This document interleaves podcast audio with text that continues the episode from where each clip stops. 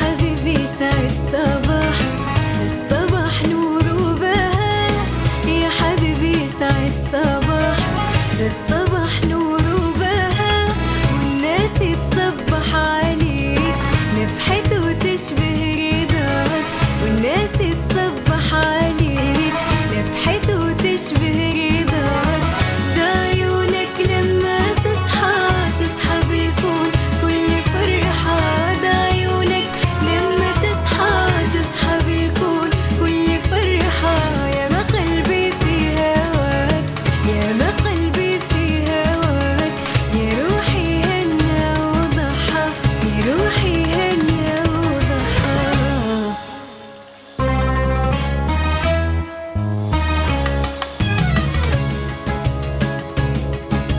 السلام عليكم ورحمة الله وبركاته. أسعد الله صباحكم بكل خير مستمعينا الكرام. صباح التفاؤل صباح الأمل صباح الإيجابية.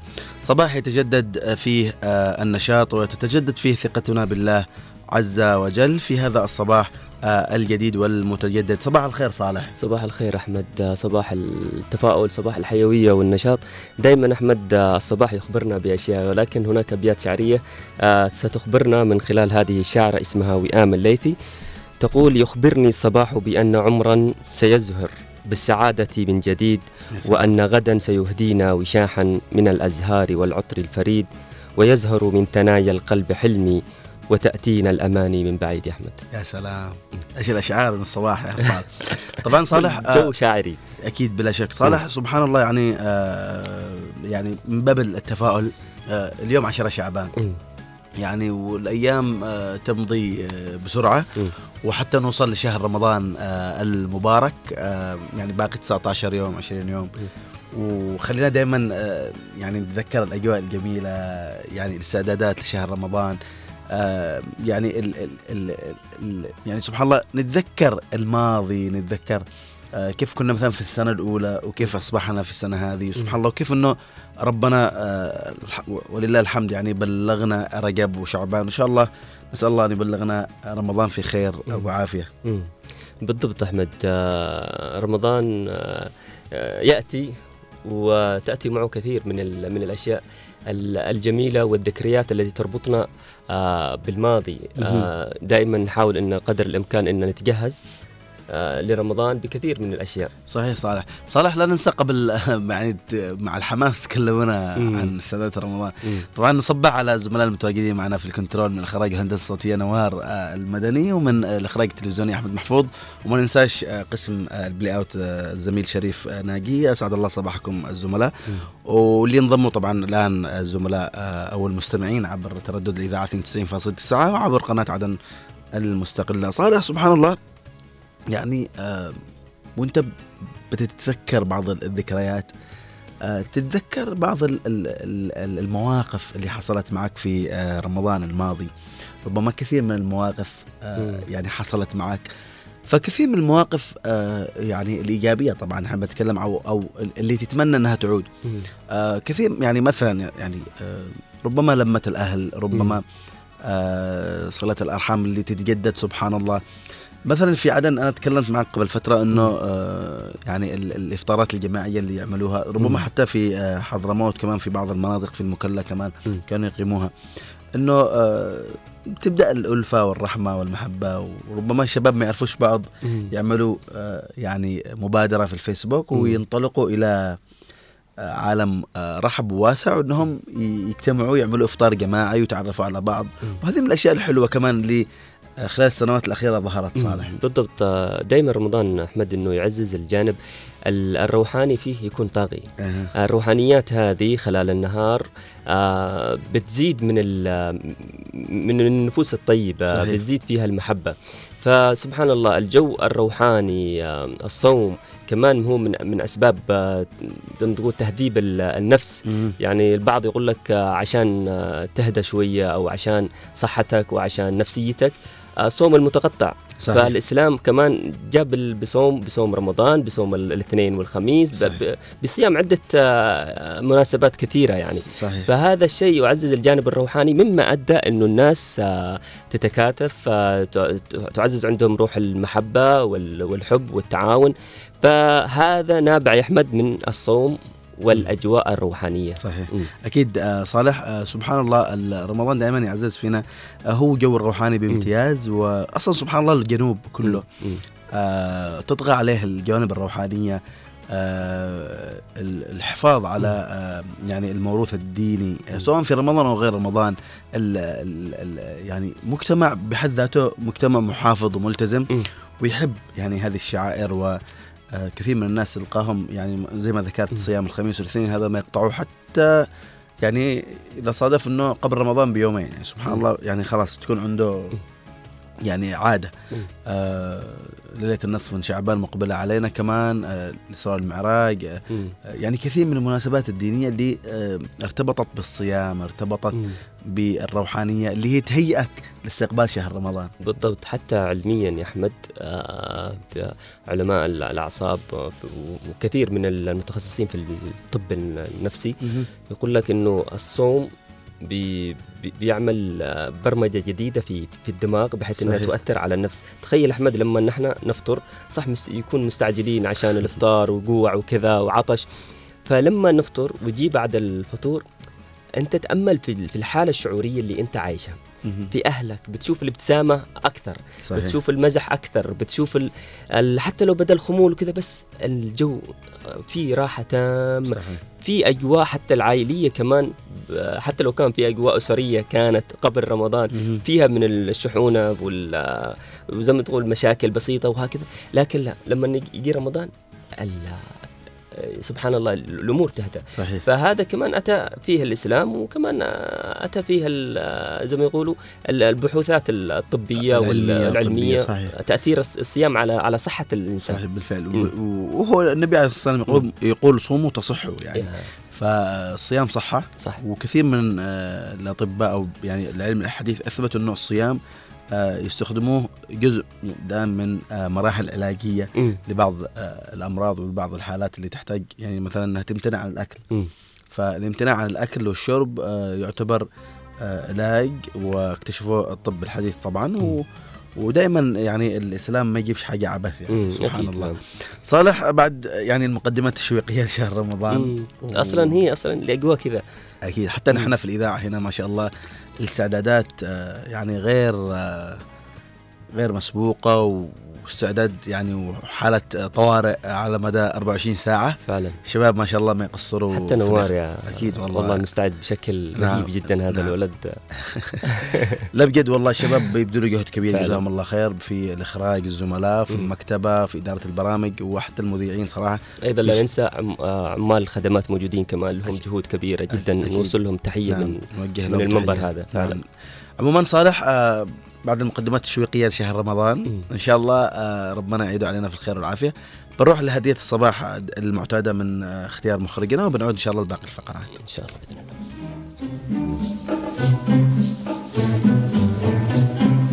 باذن الله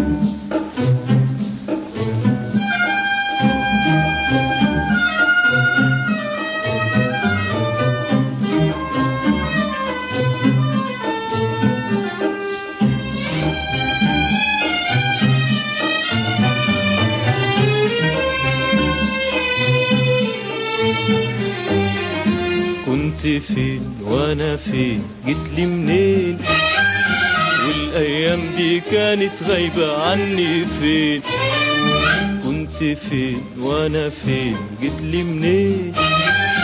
والأيام دي كانت غايبة عني فين؟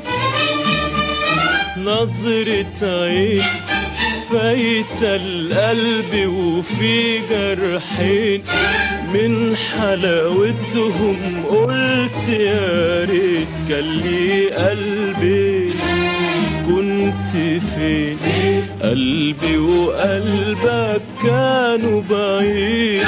عمري ما كان بينهم مواعيد. قلبي وقلبك كانوا بعيد. عمري ما كان بينهم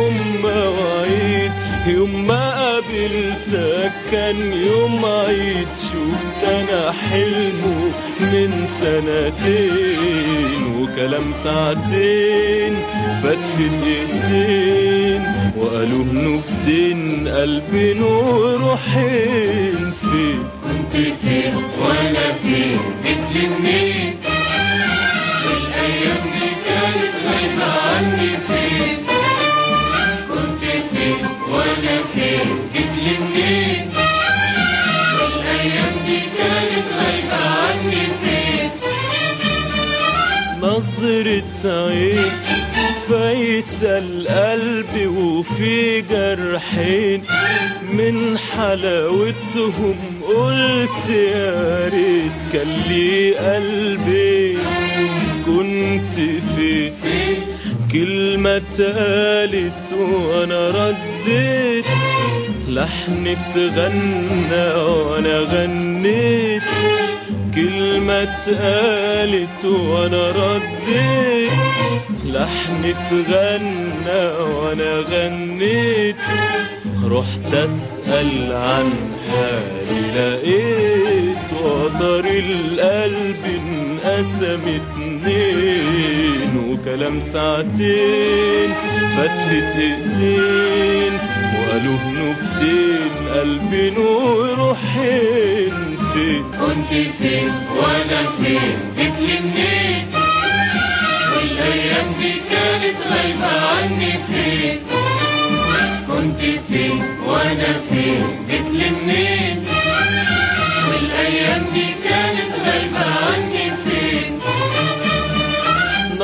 نظرة عين فايت القلب وفي جرحين من حلاوتهم قلت يا ريت كان لي قلبي آه كنت فين أول مرة قابلت هواك كنت نسيت كلمة وياك.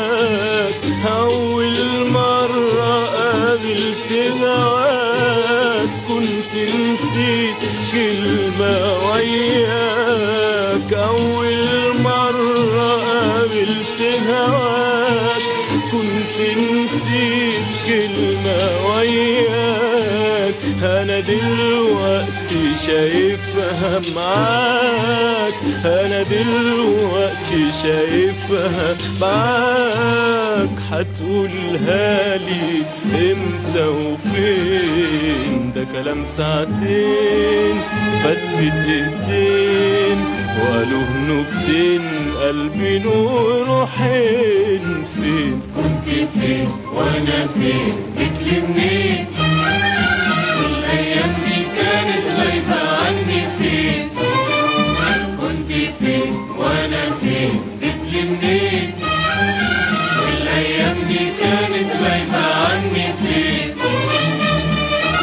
نظرة عين فايت القلب وفي جرحين. من حلاوتهم قلت يا ريت كان لي قلبي. كنت فين؟ كنت فين؟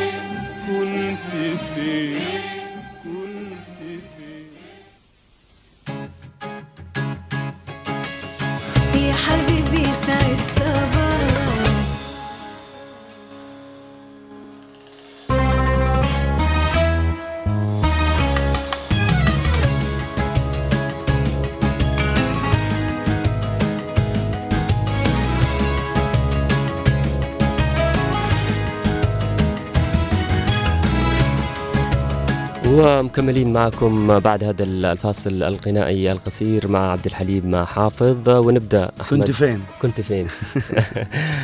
كنت فين يا نوار؟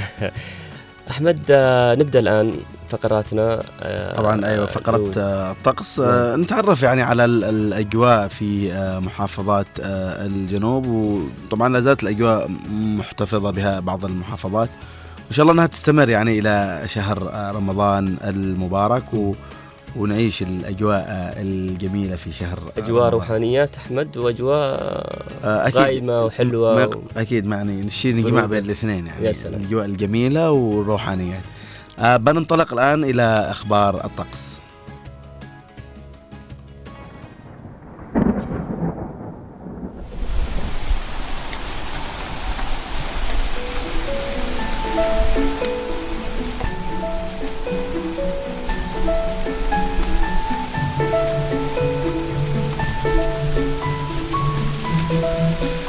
حياكم الله مستمعينا الكرام إلى فقرة أخبار الطقس لهذا اليوم. طبعا العشرين من شهر فبراير ونبدأها من محافظة آه، لحج حيث آه، سيكون آه، الجو صباحا غائما وتبلغ درجة الحرارة 26 درجة مئوية. أما ظهرا وعصرا سيكون الطقس مشمس مع هناك آه، تباين في درجة الحرارة. ظهرا ستكون 33 درجة مئوية وعصرا 31 درجة مئوية. أما مساء ستكون درجة الحرارة 27 درجة مئوية مع آه، غيوم خفيفة وليلا ستكون درجة الحرارة 25 درجة مئوية.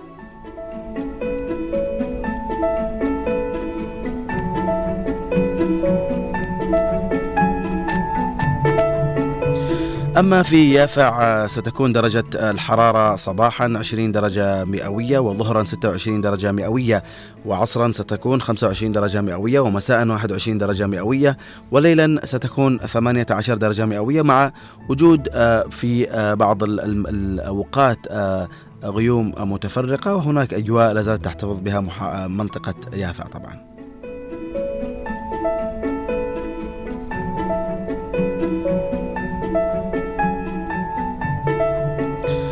أما في أبين ستكون درجة الحرارة صباحا آه، 29 درجة مئوية وظهرا 33 وعصرا أيضا 31 ومساء ستكون 27 درجة مئوية وليلا ستكون 25 درجة مئوية مع وجود بعض آه، السحب مساء في محافظة أبين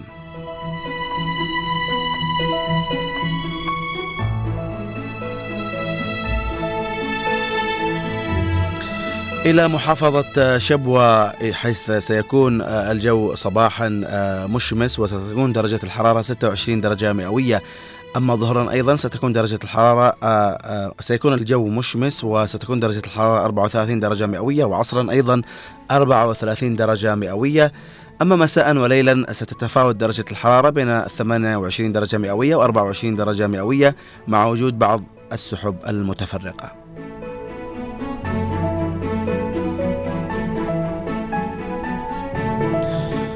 في حضرموت سيكون الطقس آه، يعني آه، صحو صباحا وستكون درجة الحرارة صباحا 24 درجة مئوية وظهرا وعصرا ستكون هناك آه، بعض الغيوم وستكون درجة الحرارة بين 27 و 28 درجة مئوية. أما مساء وليلا ستكون درجة الحرارة آه، 22 درجة مئوية مساء وليلا ستكون 19 درجة مئوية.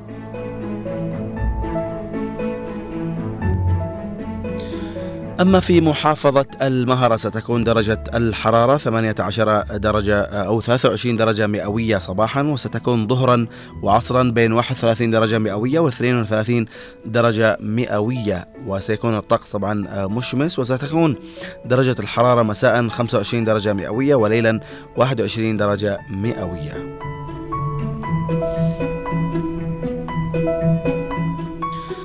أما في محافظة أو أرخبيل سقطرى جزيرة السحر والجمال ستكون درجة الحرارة أيضا 22 درجة مئوية صباحا وظهرا 31 وعصرا 32 درجة مئوية ومساء 24 درجة مئوية وليلا 20 درجة مئوية مع احتفاظ المحافظة أيضا ببعض الطقس الغائم جزئيا.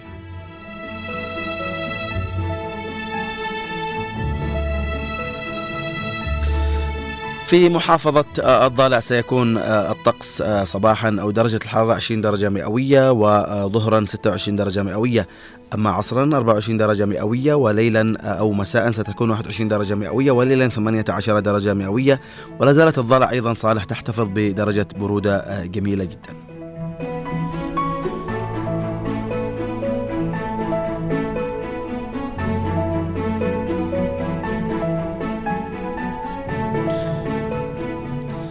وصلنا وإياكم مستمعينا الكرام إلى ختام فقرة الطقس لهذا اليوم. إن شاء الله صالح لا زالت بعض المحافظات تحتفظ بالبرودة. إن شاء الله تستمر إلى يعني شهر رمضان. دائما نحن نتمنى عشان آه، أصحاب الكهرباء مم.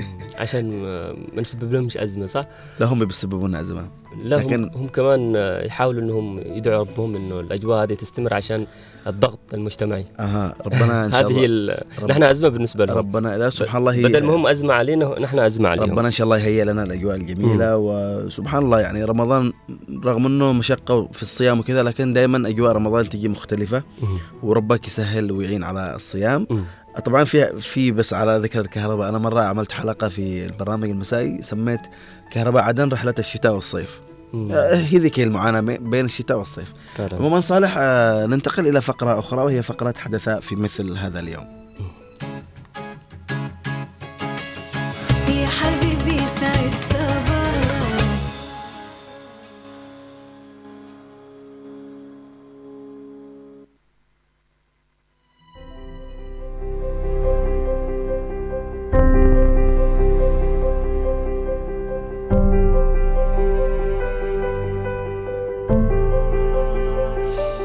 وحدث في مثل هذا اليوم من العشرين من فبراير. أحمد سنذهب إلى التواريخ القديمة والسابقة التي حدثت من السياسة والتاريخ والصحافة.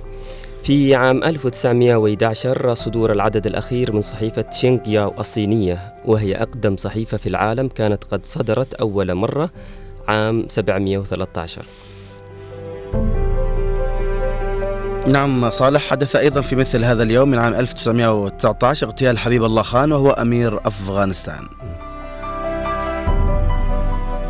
وحدث في مثل هذا اليوم من العشرين من فبراير عام 1928 آه، عام 1928 عفوا إنجلترا تعترف باستقلال إمارة شرق الأردن واحتفظت لنفسها بالإشراف العسكري وبعض الإشراف المالي.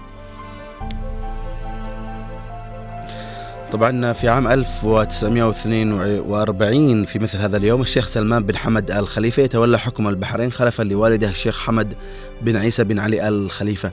طبعا آه، البحرين آه، كانت آه، يعني تحولت إلى مملكة في عام 2002 تقريبا. أيضا أحمد في عام 1948 عصابات الهاجانة الصهيونية تقصف الأحياء العربية في حيفا بقذائف المورتار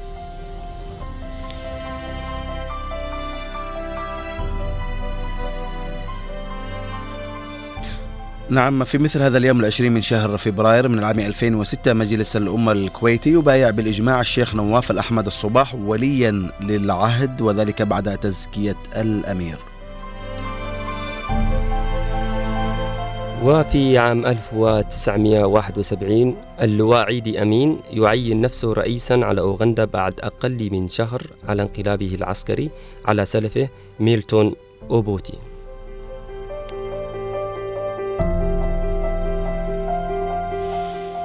نعم صالح ننتقل إلى صفحة المواليد في 20 من شهر فبراير طبعا من عام 1844 ولد لودفيغ بولتزمان وهو عالم فيزياء نمساوي.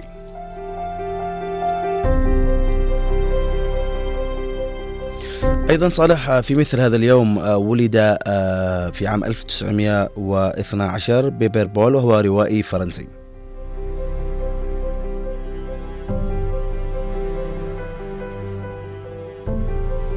وأيضا في مثل هذا اليوم من عام 1951 ولد جوردون براون وهو رئيس وزراء المملكة المتحدة.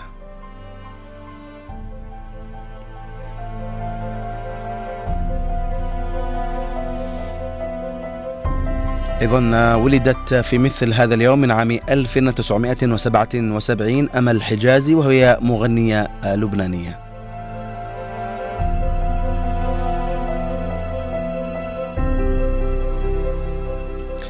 أيضا في مثل هذا اليوم من عام 1987 ولدت الممثلة السعودية ريم عبد الله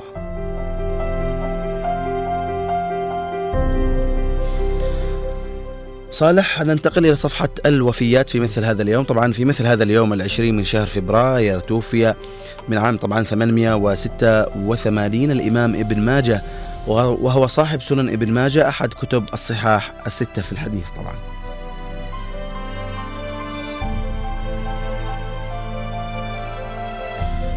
أيضا توفي في مثل هذا اليوم العشرين من شهر فبراير من العام 1258 المستعصم بالله وهو آخر خلفاء الدولة العباسية.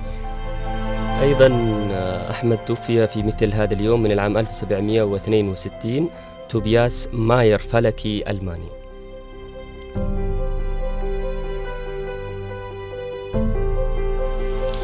أيضا في مثل هذا اليوم من عام 1992 توفي محمد أسد وهو كاتب نمساوي.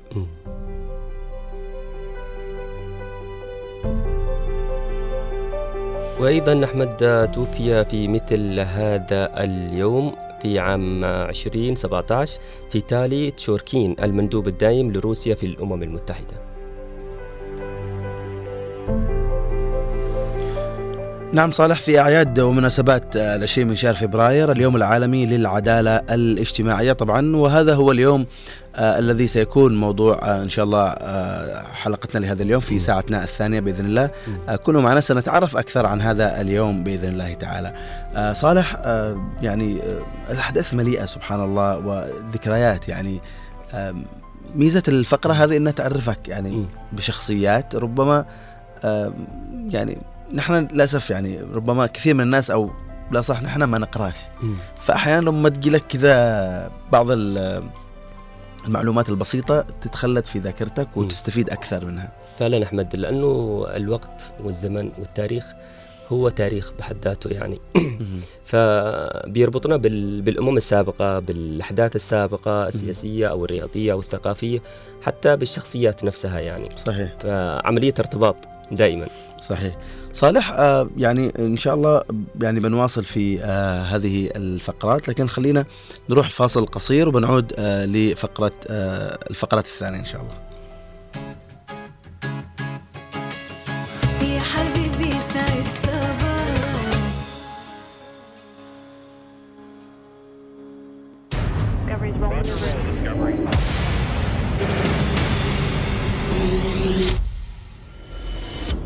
نقرا ما تتناوله الصحافة والمواقع الإخبارية المحلية والعربية من أخبار ومقالات سياسية واجتماعية وثقافية ورياضية. لا تتفرقوا على الشعب هذا ذليتوا لا تذلوا شعب عظيم. أني على هذا الوضع أنشق على ثلاثة إيتام. ثلاثة إيتام. تعال. لا إمكانية معانا. لا راتب زي ما الدولة. لا أسعار. عبرت تنفيذية انتقال العاصمة عدن. عقدت هيئة المرض. شنت ميليشيا الحوثي الإرهابية قصفا عشوائيا. نهبط الآن سويا ضمن النشرة إلى الملف الرياضي. كنترول وكرة يا الله! والهدف الأول! انفجار جماهيري! نواكب فيها كل المستجدات وننقلها لكم في برنامج زاوية الصحافة. زاوية الصحافة من السبت للخميس الثاني عشر والنصف ظهرا. جولة إخبارية على هنا عدن اف ام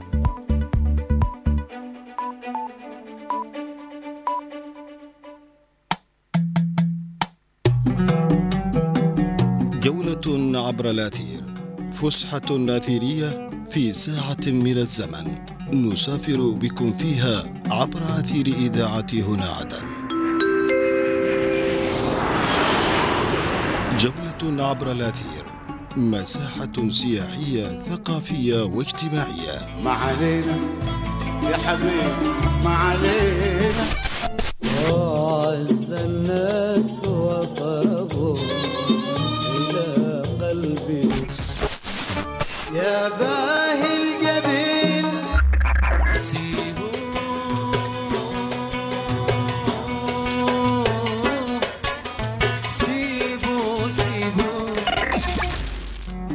تتعرفون من خلالها على المدن والقرى في محافظاتنا الجنوبية من المهرة إلى باب المندب. جولة عبر الأثير. يأتيكم من السبت حتى الأربعاء في تمام الساعة الواحدة ظهرا.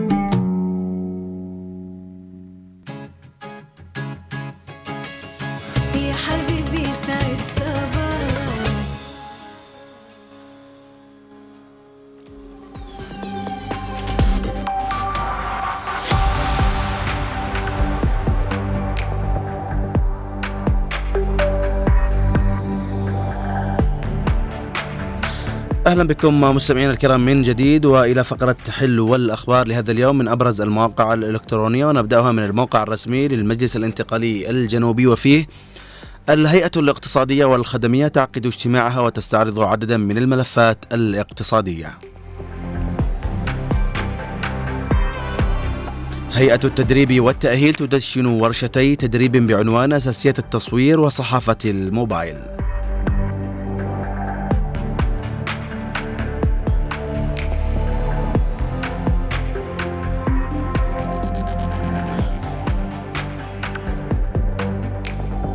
ومن عدن تايم نطالع هذا الخبر. الوزير الزعوري يوجه بإيداع التحويلات النقدية في البنك المركزي وتوقيف تجديد عقود المباني الاستثمارية. في التفاصيل ترأس وزير الشؤون الاجتماعية والعمل الدكتور محمد سعيد الزعوري رئيس مجلس إدارة صندوق الرعاية الاجتماعية صباح أمس بالعاصمة عدن الاجتماع الدوري لمجلس إدارة صندوق الرعاية الاجتماعية بحضور جميع أعضاء المجلس وناقش اللقاء جملة من الموضوعات المتعلقة بنشاط الصندوق والتي منها التقرير السنوي للعام 2023 ومناقشة خطط الصندوق للعام 2024 والمستجدات المتعلقة بمشروع الحوالات النقدية غير المشروطة والممول من البنك الدولي عبر منظمة اليونيسف طبعا آه، في مستهل الاجتماع تقدم آه، الوزير آه، بالشكر وتقدير للبنك وكذلك يعني لافتا إلى أن الواقع الاقتصادي يلقي بظلاله على معيشة الملايين من المواطنين الذين يعيشون في ظروف استثنائية لعدم توفر أدنى مقومات الحياة في ظل نقص الموارد والتدهور المستمر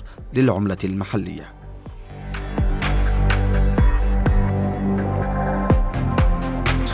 ونذهب إلى عدن تايم وفيه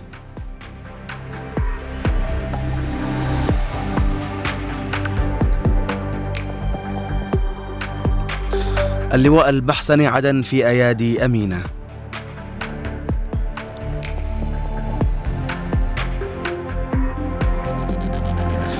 دعوة عمالية للاحتشاد أمام بوابة قصر معاشيق.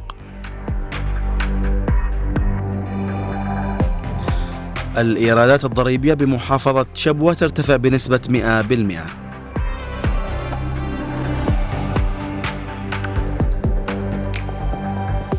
دور الإعلام الجديد في تشكيل الرأي العام فعالية مشتركة بين عمادة كلية الإعلام ونقابة الصحفيين الجنوبيين.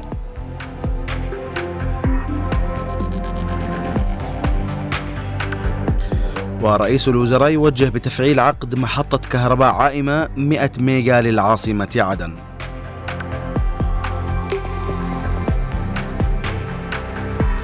وضبط كميات من العبوات والقذائف وأجهزة اتصالات اللاسلكية بمنزل في عدن.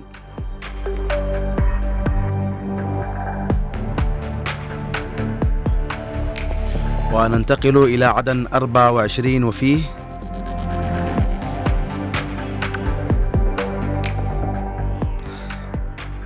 ضربات أمريكية تواصل تحجيم القدرات الحوثية لحماية الممرات البحرية. ونقابات عمال الجنوب تهدد بتصعيد احتجاجاتها. وتنفيذية انتقال رصد يافع تعقد اجتماعها الدوري لشهر فبراير. والبحرية البريطانية بلغان بعمليتي استهداف في البحر الأحمر.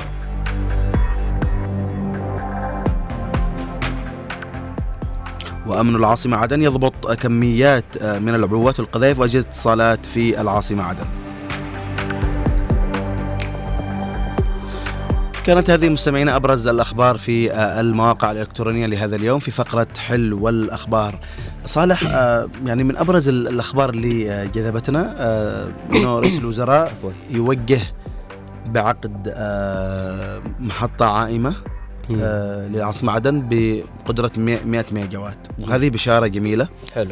آه إنه في تحرك ونتمنى لهم التوفيق حقيقة لأنه آه الوضع يعني شوف المسؤول اللي بينزل وبيشوف الوضع على الأرض بي بيشوف معطيات أخرى ربما بعكس ما يكون آه يعني في الخارج. فنزول على الأرض ومعايشة و آه، يعني آه العيش مع المواطن ويعيش المعاناة آه، هنا بيتلمس آه، معاناة المواطن بيعيشوا المواطن. أما أنه جالس برا فأكيد أنه ما بيشعر.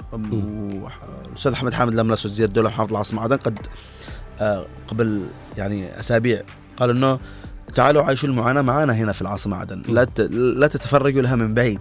فإن شاء الله آه، الأمور مبشرة بخير بإذن الله تعالى. ومتفائلين رغم يعني كثير من الصعوبات لكن آه، توقيع محطة عائمة آه، طبعا محطة عائمة تذكر زمان كانوا يقولوا السفينة أجت السفينة في البحر. فجميل إنه آه، في تحرك و ويجب أننا نكون كلنا عون لهذا القرار حلو. ومساندين وكل التوفيق لكل الخيرين اللي يشتغلوا على الأرض. فعلا أحمد. آه زي ما قال آه، المحافظ الملس وكثير من من الإعلاميين ال- خاصة بعد تعيين آه، بن مبارك آه، وزير للدولة إنه آه، أتمنى إنه ما يقولوا ال- الآراء الإعلامية والصحفيين وكذا إنه حتى المواطن نفسه ما يردش إنه الوزير أو المسؤولين كلهم خارج البلد آه، مش موجودين هنا صحيح. يتعايشوا مع ال... يتعايشوا مع المعاناة المواطن نفسه مع ال- النواقص اللي تنقصه مع نقص صحيح. الخدمات فهذا الشيء بيعزز أيضا أنه دائما لما تريد أن تعرف شيء تعايش معه. آه، تعرف حقيقة الشيء تعايش معه. فعلا يعني لابد أنهم هم يكونوا موجودين يعني موجودين أغلب الأوقات.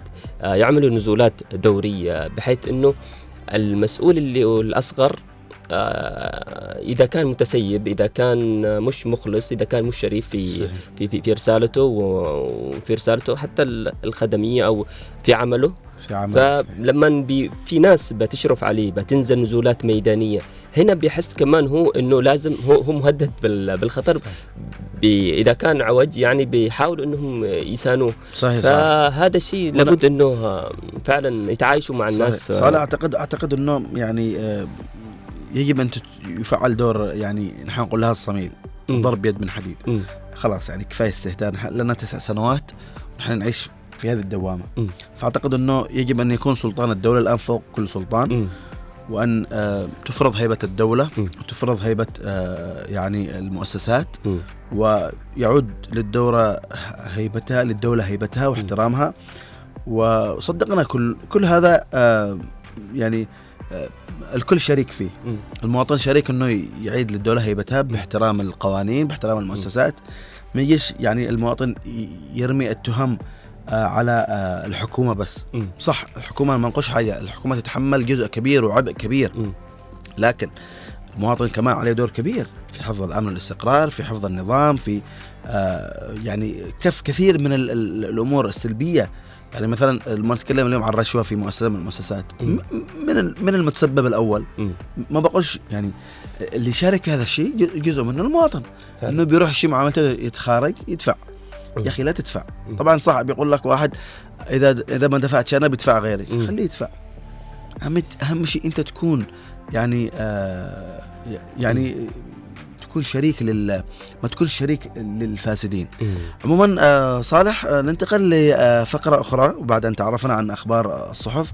ننتقل لفقرة آه آه يعني آه النشاط والحيويه مع الكابتن خالد الفقرة الرياضية. صباح الخير كابتن. صباح الخير أحمد وصالح طبعا نوار أحمد محفوظ اللي احبه فيه ونعدم يعطيك العافية اذا ننطلق سويا كابتن.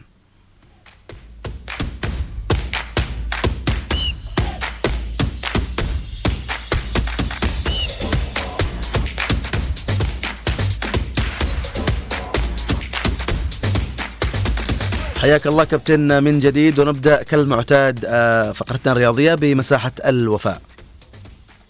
أكيد أحمد آه، نجدد لك الصباح أنت وصالح وأكيد من يستمع الفقرة الرياضيه في مساحة الوفاء أيضا اليوم هناك ذكرى أيضا آه، الذكرى الأولى لرحيل آه، الكابتن سالم بن سالم ال- الغراب. طبعا هو لاعب نادي الهلال بالشيخ عثمان وأيضا لعب في نادي الأحرار في كريتر وأيضا النجم عرف هكذا بانه سمي بالجوكر باعتبار أنه بيلعب في أكثر من مركز. لعب كرة القدم في حواري الشيخ عثمان. انطلق بقوة جسمانية أيضا كان يجيد آه، ضربات ال- الكرة ما بين الزملاء بالرأس وبالتالي نتحدث عن اسم أيضا آه، تحت تضبط الذاكرة الرياضية بما قدمه بما أعطاه اسم آه، هكذا ذهب إلى المدرجات ليكون حديث متصل مع الإبداع حديث مرتبط أيضا بكرة القدم في زمن ال- الجميل يعني في سنوات الستينات والسبعينات وبالتالي هذه الأسماء آه، لها علينا حق أن نتذكرها. نعم هي رحلت إلى جوار ربها الكريم لكن الإرث الذي تركته أيضا الحوار الجميل في نطاق الرياضة والمجتمع ما زال موجود وبالتالي نحن سعداء في عدن طبعا هنا عدن أنه دائما نتحدث عن هؤلاء في طبعا عندما الكابتن الجميل محمود عبيد يأتي لنا بالمعلومات وبالتالي آه، تحية لهذا الإنسان طبعا ال- الكابتن محمود عبيد ربنا يمد في عمره وصحته لأنه بيمنحنا أشياء جميلة نذهب نحن من خلالها أحمد وصالح. نتذكر هذه الأسماء طبعا التي رحلت إلى جوار ربها الكريم. ليرحم الله الفقيد الكابتن سالم بن سالم الغراب في الذكرى الأولى لرحله إلى جوار ربه الكريم. عليه رحمة الله. كابتن آه، يعني آه، دوري عدن الممتاز وتتويج آه، وحدة آه، عدن. هناك كانت احتفالية آه، لوحدة عدن يوم أمس. آه طبعا نتحدث عن ردة فعل سريعة من إدارة وحدة عدن في تكريم الفريق الذي كان توج أمس الأول بدوري عدن الممتاز. احتفالية كنا تحدثنا عليها أمس بالصوت والصورة في آه، عدن المستغلة وبالتالي أيضا اليوم منح هذا الحيز آه، نحيي الأدوار في وحدة عدن إدارية. طبعا آه، لقدرتها على استيعاب الفرحة التي ارتبطت باللاعبين باعتبار أنهم توقي بدوري عدن الممتاز للمرة الثانية. حديث يرتبط بتقدير الجهود تكريم ال- الجهود تكريم العطاء تكريم بمعنى التتويج الفوز الذي ينتسب إلى نادي وحدة عدن. كانت أمسية أكيد احمد جميلة تابعناها نحن بالصور والفيديوهات. حديث ارتبط بأنه كيف تكرم الإنجازات؟ أعتقد أنه إدارة وحده عدن ارتبطت بقيمة المكان والزمان ومنحت الموعد حضورها الجميل. ارتبطت بلاعبيها وجماهيرها في موعد فرحي جميل شهدته طبعا. آه، ساحه آه، آه، التي تتواجد بالقرب من مسجد النور في مدينة الشيخ عثمان. كابتن خالد الآن نقلع بطائرة أبين وما هي ال- الأحداث عن طائرة أبين نعم طائرة أبين مثل ما قلت آه، أقلعت قبل أيام في نطاق آه، تصفيات آه، تجمع المحافظة هناك لأندية أبيان وبالتالي أمس آه، مباراة مثيرة لأنها جمعت تاريخ حقيقة تاريخ فريقين كبيرين هما حسان آه، من زنجبار وعرفان من لودن وبالتالي آه، طائرة عرفان مثل ما قلت تحلقت آه، في العلالي وبالتالي فازت على طبعا طائرة حسان. بنتيجة المباراة وبالتالي أقترب نادي عرفان ربما من خط بطاقة التأهل لكن في الأخير هي كرة القدم معطيات فوز وخسارة وحضور ودهنية ربما كانت لصالح فريق عرفان لأنه عرفان أيضا على مر السنوات يتميز في كرة الطائرة وليس بجديد أن يفوز. نحن ننتظر باقي المواعيد باقي التفاصيل في آه، طائرة أبيان لنتعرف عليها. نبارك طبعا لعرفان الفوز بثلاثة أشواط بشوطين ننتظر المواعيد القادمة. مم. طيب آه، عن كرة ال- بطولة العالم للكرة الشاطئية يا كابتن التي هي في آه، أراضي الإمارات الشاطئية، نعم قبل الشاطئية صالح مم. نتحدث عن سقطرى هناك مم. آه، فريق الشرق آه، أقصى الأهلي بضربات الترجيح خطط مم. بطاقة التأهل والعبور إلى ربع النهائي مم. هناك بطولة جميلة بطولة مبارك للشباب لأندية أرخبيل سقطرى نحن دائما نكون سعداء أنه نذهب إلى سقطرى لنغطي الأحداث آه، مباريات طبعا تقام على العاصمة حديب وعلى ملعب الفقيد آه، سعد سالمين ملعب معشب أيضا. تم تقديمه كهدية أيضا من مؤسسة خليفة بن زايد للأعمال الإنسانية الإماراتية. لأبناء سقطرى لشعب سقطرى لرياضة سقطرى للمنظومة الشبابية هناك وبالتالي نبارك ال- الشرق الفوز. هذا لك الأهلي. أكيد معطيات. سنتابعها أنا وأنت صالح وأحمد في كل صباح. ونأثرون عدن مم. بالنسبة زي ما قلت لك قبل شوي بخصوص بطولة العالم لكرة ال- القدم الشاطئية في الإمارات.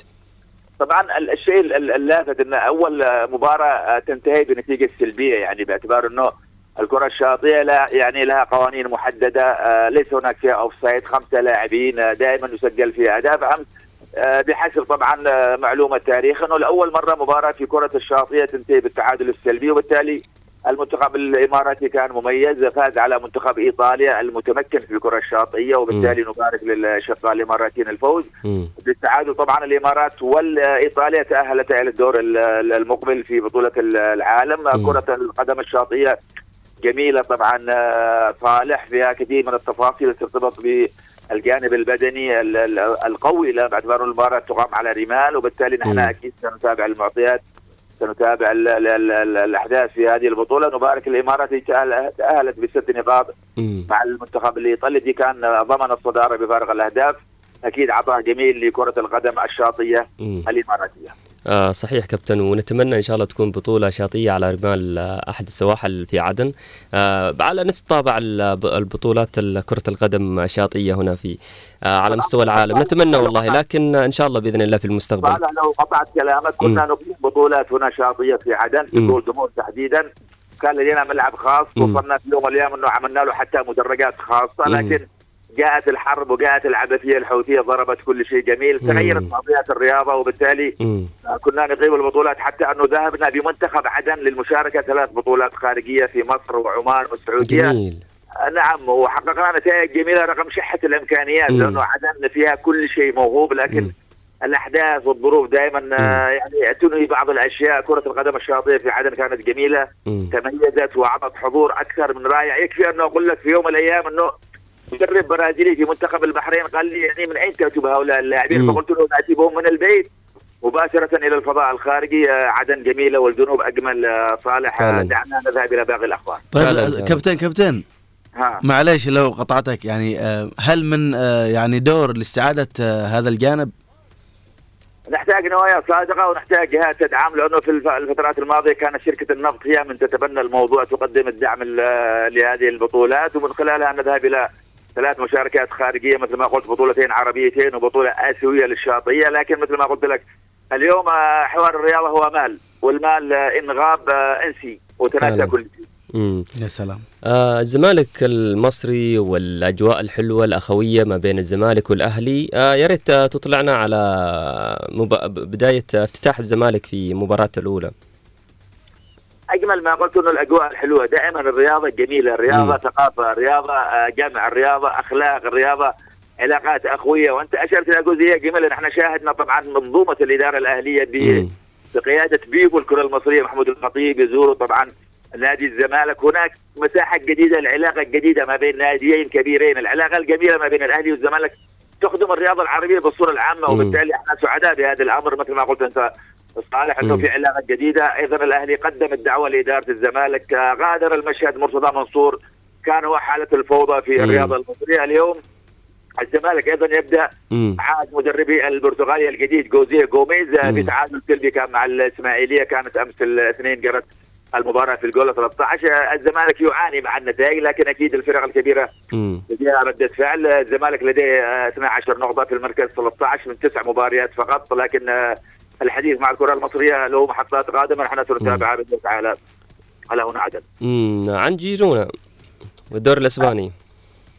جيرونا صالح خلاص يبدو أنه آه، وصل إلى المنعطف الصعب بالنسبة له. كان يفوز يفوز يحقق الانتصارات آه، في الاخير هوية الشخصية الكبيرة في حوار الدوري الليغا لا يمتلكها جيرونا.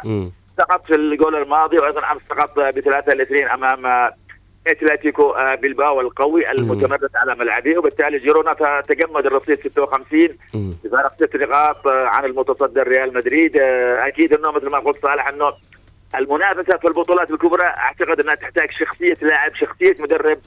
شخصية منظومة أعتقد أنه هذه التفاصيل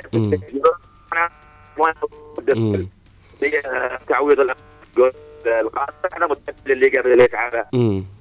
نابولي كابتن نابولي آه، كان مستقر في آه، الموسم الماضي. الموسم هذا يقيل مدربه.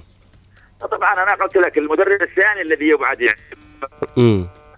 كابتن صوتك يقطع يا كابتن. نعم الان أي تمام الآن سمعك كان هناك مدرب طبعا آه، فرنسي جارسيا أبعد. لأنه سباليتي لا يعوض. سباليتي كان حقق البطولة مع نابولي بعد 30 عام من أيام ديغو أرماندو مارادونا آه، تفككت هكذا آه، منظومة آه، الأداء الجميل في نابولي يخسر تواليا في مو في مكان بعيد وبالتالي نابولي على موعد في الغد باذن الله تعالى بمواجهه مع برشلونة في دوري الأبطال وبالتالي مم. إدارة آه، نابولي أبعدت آه، المدرب الخبير طبعا مات- ماتزاري الذي كان عاجل الواقع بعد سنوات من الغياب وتم. تكليف فرانشيسكو كالزونا ننتظر نابولي ربما بحلة جديدة ربما تكون هناك انطلاقة أخرى المعطيات ترتبط بكرة القدم صالح. وموعدة نحن أيضا لن نغيب عن المشهد سنتابعها في كل التفاصيل. مباريات اليوم كابتن في دوري أبطال أوروبا نعم لدينا مباراتين في الحادي عشر نفس التوقيت هناك المباراتين. إنتر ميلان يواجه أتلتيكو مدريد مباراة واعدة بالكثير مم. أيندهوفن الهولندي أيضا يستضيف بوروسيا دورتموند لدينا مباراة مؤجلة في الدوري الإنجليزي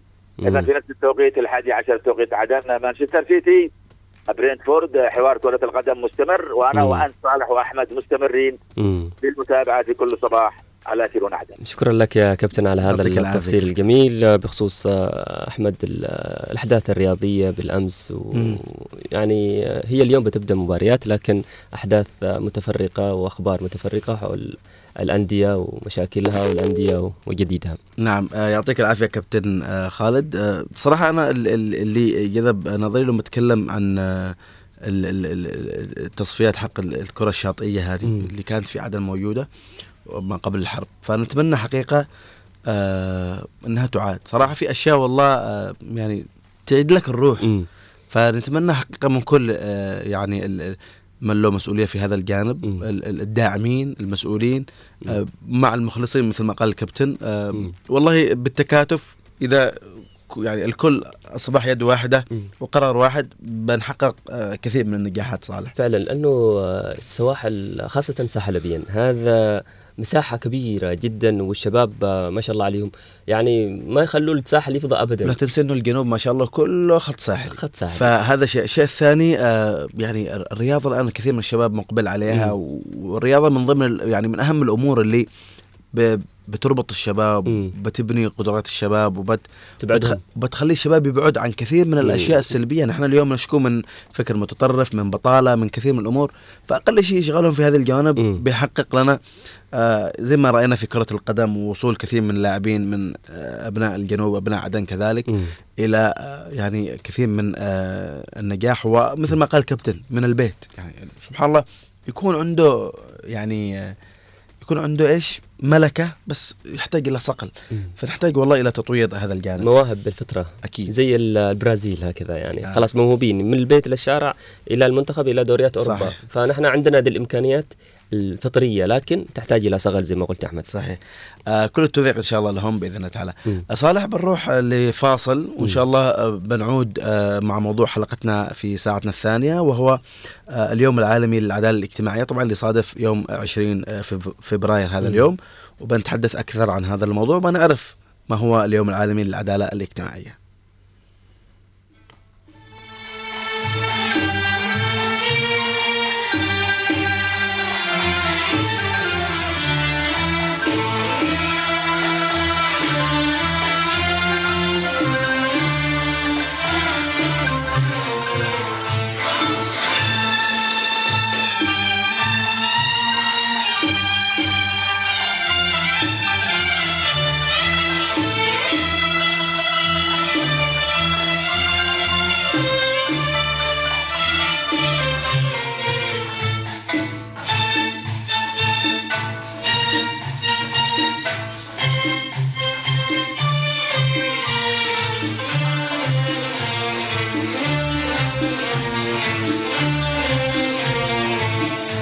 قبل حبك كنت ما أعرف من أنا ولا ليش أعيش.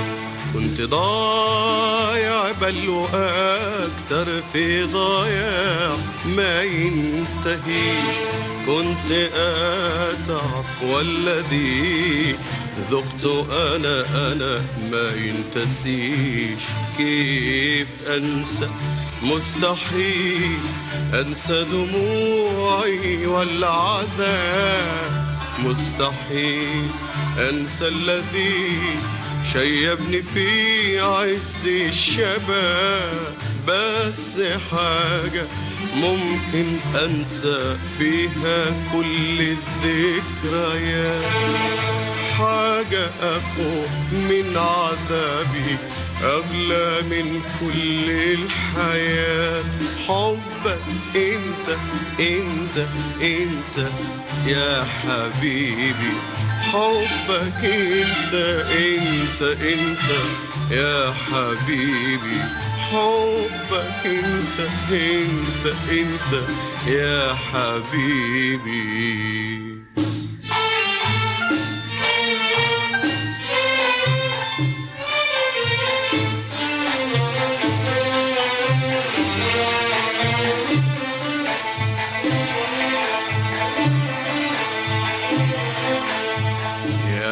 حبيبي يا حبيبي يا حبيبي ما دريت إيش بس أقول أو إيش أحكي كيف أصور فرح قلبي من سعادتي اشتاق يا حبيبي يا حبيبي يا حبيبي ما دريت إيش بس أقول أو إيش أحكي؟ كيف أصور؟ فرح قلبي من سعادتي اشتاق يا حبيبي أشتي كل الناس تعرف ان أنا فرحان سعيد. أشتي كل الناس تعرف ان أنا فرحان سعيد. أشتي ما ادريش إيش أشتي؟ أشتي كل الدهر عيد. أشتي ما ادريش إيش أشتي؟ أشتي كل الدهر عيد. مش بسيط حبك عالي ده خلقني من جديد. ده جعلني أنسى نفسي. أنسى كل اللي جرالي أنسى حتى الكون كله إلا شيء واحد في بالي. يا حبيبي حبك إنت إنت إنت. يا حبيبي حبك إنت إنت إنت. يا حبيبي حبك انت انت انت. يا حبيبي.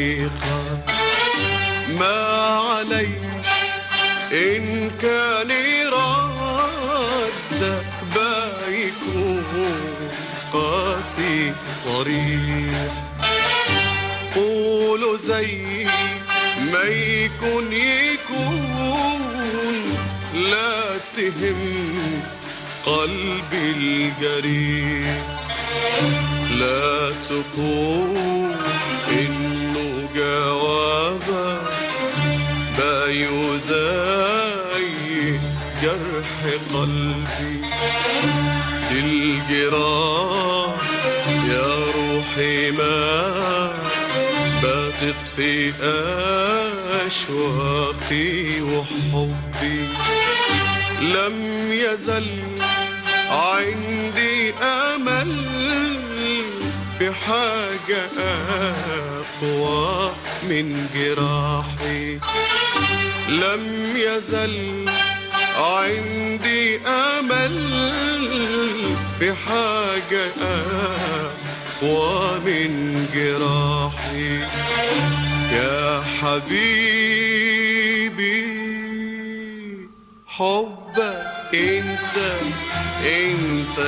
انت يا حبيبي حبك انت انت انت يا حبيبي حبك انت انت انت يا حبيبي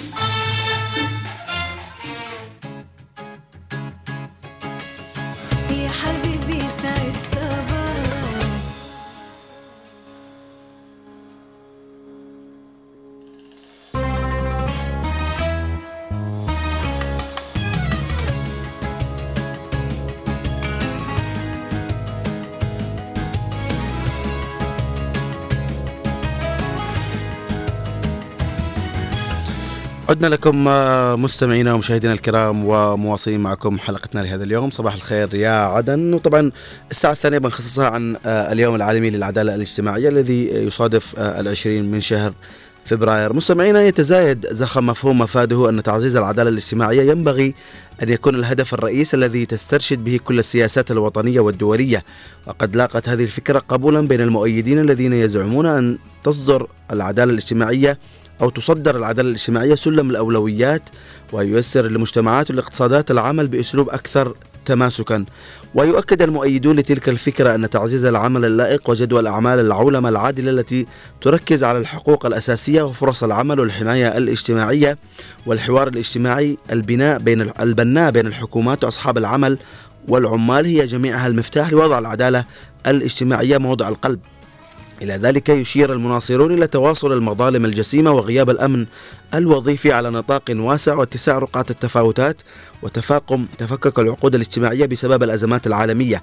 وتهدد هذه الحقائق القاسية التقدم المحرز في القضايا الاجتماعية ولذا ينظر إلى أن من إحدى الأولويات الملحة هي تعزيز المؤسسات والسياسات التي تعمل بجد على تعزيز العدالة الاجتماعية. وتشتمل المقترحات الرامية إلى تعزيز العدالة الاجتماعية مسائل مثل من مثل تحسين إدارة العمل الشاملة والفعالة وإتاحة فرص العمل والتعلم مدى الحياة وإصلاح المؤسسات لتحقيق نتائج أكثر عدالة في سوق العمل وتوسيع نطاق الحماية الاجتماعية في معايش الناس ويروج لنهج متكامل في كافة هذه المجالات. ويتزايد الدعم لإنشاء تحالف عالمي واسع النطاق من أجل العدالة الاجتماعية ويراد من ذلك التحالف المقترح تعزيز التعاون المتعدد الأطراف والسياسات المتف... المتوافقة التي تركز على تعزيز أهداف العدالة الاجتماعية. ويمكن أن يسلط الضوء على المبادرات المؤثرة التي نجحت في تعزيز العدالة الاجتماعية في كافة أنحاء العالم. وسيناط بالقائمين على التحالف تيسير المناقشات الاجتماعية الوطنية البناءة لتحديد فجوات العدالة الاجتماعية ومعالجتها وبوجه عام توجد دعوات تحث على بذل جهود منسقة لتصدير النهوض بالعدالة الاجتماعية بوصفه أولوية سياسية قصوى على كافة المستويات. فعلا أحمد آه، زي ما وضحت وشرحت آه، تعريف العدالة بشكل كذا يعني آه، أسهل لل- للمستمع. هي تحقيق ال- المساواة بين أفراد المجتمع ال- الواحد من حيث ال- الحقوق والحقوق وفرص العمل والرعاية الصحية والحقوق السياسية. وتوزيع الثروات وغيرها أحمد يا سلام طبعا. نحن نحن صالح يعني بنتعرف عن كل هذه حتى. مفهوم العدالة بنت بنتعرف عليه من آه، وجهة نظر القانون. وبنتعرف عليه أكثر من آه، يعني خلال الضيف اللي بيكون. معنا طبعا آه، يعني صالح اليوم العالمي للعداله الاجتماعية طبعا اعتمدت منظمة العمل الدوليه بالاجتماع على منظمة العمل الدوليه بشأن العدالة الاجتماعية من أجل عولمه عادله في آه، العاشر من يونيو 2008 طبعا آه، لا نطيل سيكون معنا آه، ضيفنا عبر الهاتف القاضي أشرف آه، مراد. صباح الخير سيادة القاضي. يعطيك العافية. آه، أولا آه، نبدأ آه، معك من آه، أولا آه، قبل ما أبدأ معك ما هو اليوم العالمي للعدالة الاجتماعية؟ لو تعطينا لمحة عن آه، مفهوم العدالة بشكل عام. مفهوم العدالة. الكريم العداله بشكل عام هي من اساسها النظام في مجتمعنا. الذي في غيابه يسود الظلم والفساد. وتدهور الدول وتتدمر هذا بشكل عام. أما بالنسبة لليوم العالمي للعداله الاجتماعيه هو يوم دولي يحتفي بالحاجة إلى تعزيز العداله الاجتماعيه ولتشميل الجهود المبذولة لمعالجة قضايا مثل الفقر والاستبعاد كاتباعات معينة. والمساواه بين الجنسين والبطالة وحقوق الإنسان وهي مثل ما قلت لك أخي الكريم من أحد النظم الاجتماعية التي من خلالها يتم تحقيق المساواه بين جميع الأفراد في المجتمع. من حيث اشياء كثيرة مثل فرص العمل وتوزيع الثروات والامتيازات الحقوق السياسيه والرعايه الصحيه وغيرها. آه قاضي أشرف آه لماذا تم تخصيص هذا اليوم بال- بالذات يعني؟ أخي الكريم ما- ليس هناك سبب رئيسي مم. خصوص هذا اليوم تحديدا مم. لأنه لا يوجد آه، ذكرى حادثة معينة مثلا. في هذا التاريخ مم. كتاريخ يوم عالمي مم. إنما تم تحديثه تحديثه بالاقتراح ثم الاتفاق من الدول الأعضاء. آه، دون ارتباطه بذكرى معينة سابقه في نفس التاريخ. مم. جميل آه، طيب إذا ما تحدثنا عن أهمية العدالة الاجتماعية آه، قاضي أشرف اليوم ربما هناك غياب لبعض ال- ال- ال- ال- القوانين أو ربما العدالة الاجتماعية أهميتها اليوم في مجتمعنا بشكل عام أخي الكريم تكمن اهميتها في فوائد عديدة أكثر من فائدة يعني. آه، هي تساعد على بناء آه، مجتمع مستقر وتعزيز الشعور بالانتماء للمجتمع والوطن بشكل عام بين أفراده وتقلل حدة الفقر والظلم الاجتماعي يعني آه، تستطيع أن تقول أنها تعزز الاستقرار وتعزيز العدالة والمساواة مم. وتساعد على انضباط الأفراد وتقود إلى تحسين نوعية الحياة للمرء في المجتمع مم. وتحد من الفقر والظلم الاجتماعي وتعزيز المواطنة طيب يا قاضي أشرف آه، مع هذا الوضع ومع هذه الظروف المأساوية الاجتماعية بشكل عام آه، كيف ممكن تتحقق العدالة الاجتماعية؟ كريم آه، نستطيع أن نحقق عدالة اجتماعية بأكثر من طريقة ك- كتطبيق أحكام الدين مم. والشريعة الإسلامية في المجتمع مم.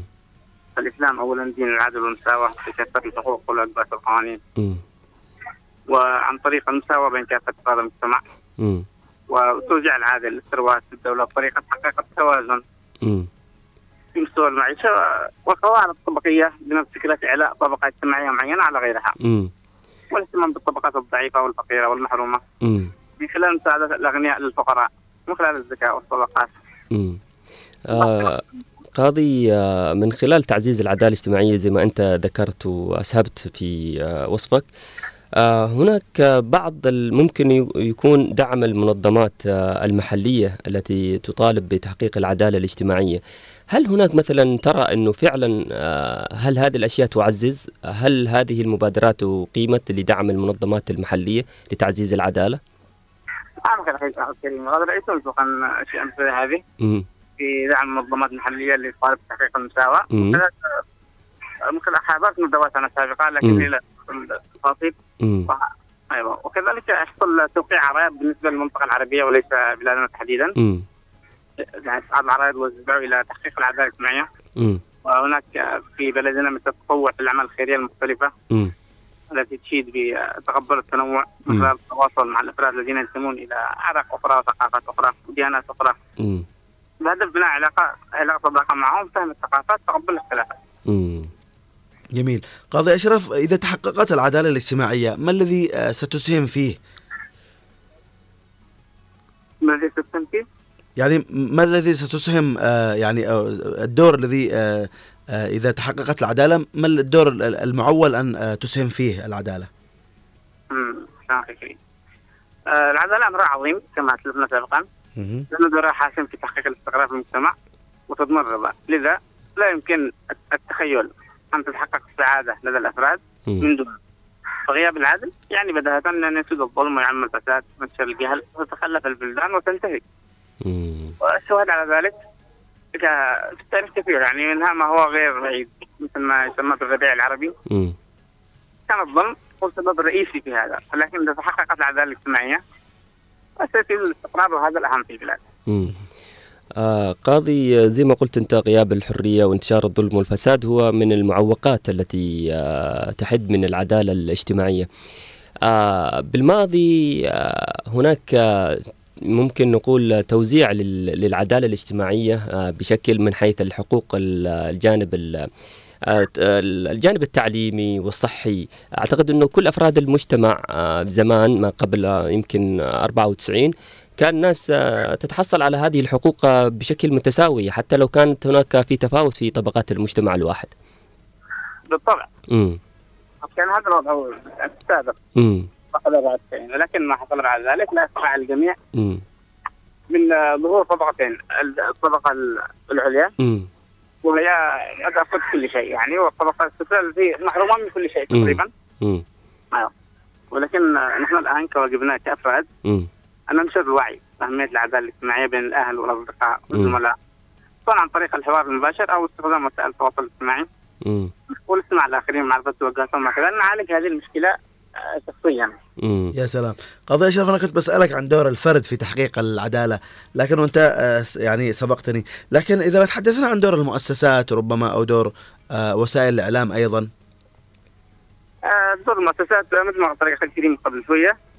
يكون عن طريق دعم المنظمات المحلية اللي تطالب بتحقيق المساواة. والعدالة الاجتماعية. ومن خلال حضور ندوات قطر مثل ما قلت لك آه، سلفا والتطوع مثلا في الأعمال الخيرية التي تناقش هذه المسائل. وهذا اللي تساهم في تقدير التنوع آه، طيب قاضي أشرف آه، رسالة توجهها لنا من منبر إذاعة آه، هنا عدن. أخي الكريم أظن أن أشكركم على استضافتي هنا. الله يحفظك. حفظكم الله. وأنا متابع جيد لكم. حفظك الله. وبدوركم كمؤسسه إعلامية ممتازة. واستمع لها الكثيرون آه، أرجو من يعني التكثف الجهود في هذه المواضيع من أجل بناء مجتمع كلنا نريده. متساوي وعادل بإذن الله. بإذن الله تعالى. شكرا لك القاضي أشرف مراد كنت ضيفا عزيزا عبر الهاتف معنا في صباح الخير يا عدن تفضل لك الكريم. شكرا لك. مع السلامة. اذا مع السلامة. اذا مستمعين الكرام سمعنا القاضي أشرف مراد. تحدثنا عن كثير من النقاط. صالح يعني آه، معلومات آه، جميلة جدا وعرفنا يعني معنى العدالة الاجتماعية وأهمية هذا اليوم لماذا تم آه، يعني إطلاق هذا اليوم. آه، طبعا مثل ما قال القاضي إنه 20 فبراير يوم فاضي يعني ما ما فيش حدث معين. فتم اختيار هذا اليوم عشان يكون يوم للعدالة الاجتماعية. مم، من الأمم المتحدة. مم. آه. فعلا هو يوم زي ما يقولوا يتمناه الكل يعني يتحقق على أرض ال- الواقع. آه، زي ما قلت لك يا أحمد إنه آه، توزيع الثروات والحقوق التعليمية والرعايه الصحية. آه، بالأمس آه، كان هناك في عدالة اجتماعية. مم. تلاحظ أنت هذا الشيء واليوم أكيد. اليوم اليوم اليوم تغير ال- الوضع شوية. اليوم تغير بشكل كبير وأنا أعتقد إنه آه، مثل ما آه، يعني اليوم آه، مثل ما قال القاضي طبقتين في المجتمع. فقط وتقريبا يعني الكل يلمس هذا الشيء. وما فيش آه، توزيع عادل. سواء للثروة يعني ما فيش آه، يعني زمان كان في آه، في اهتمام بهذه الجوانب كان. في آه، توزيع عادل آه، صح كانوا يقولوا توزيع عادل للثروة توزيع عادل آه، مش عارف إيش فنحن اليوم آه، يعني إذا ما تحدثنا عن اليوم العالمي للعدالة الاجتماعية اليوم ما فيش عدالة اجتماعية أصلا. مم. يعني أصبحت مفقودة في مجتمعنا.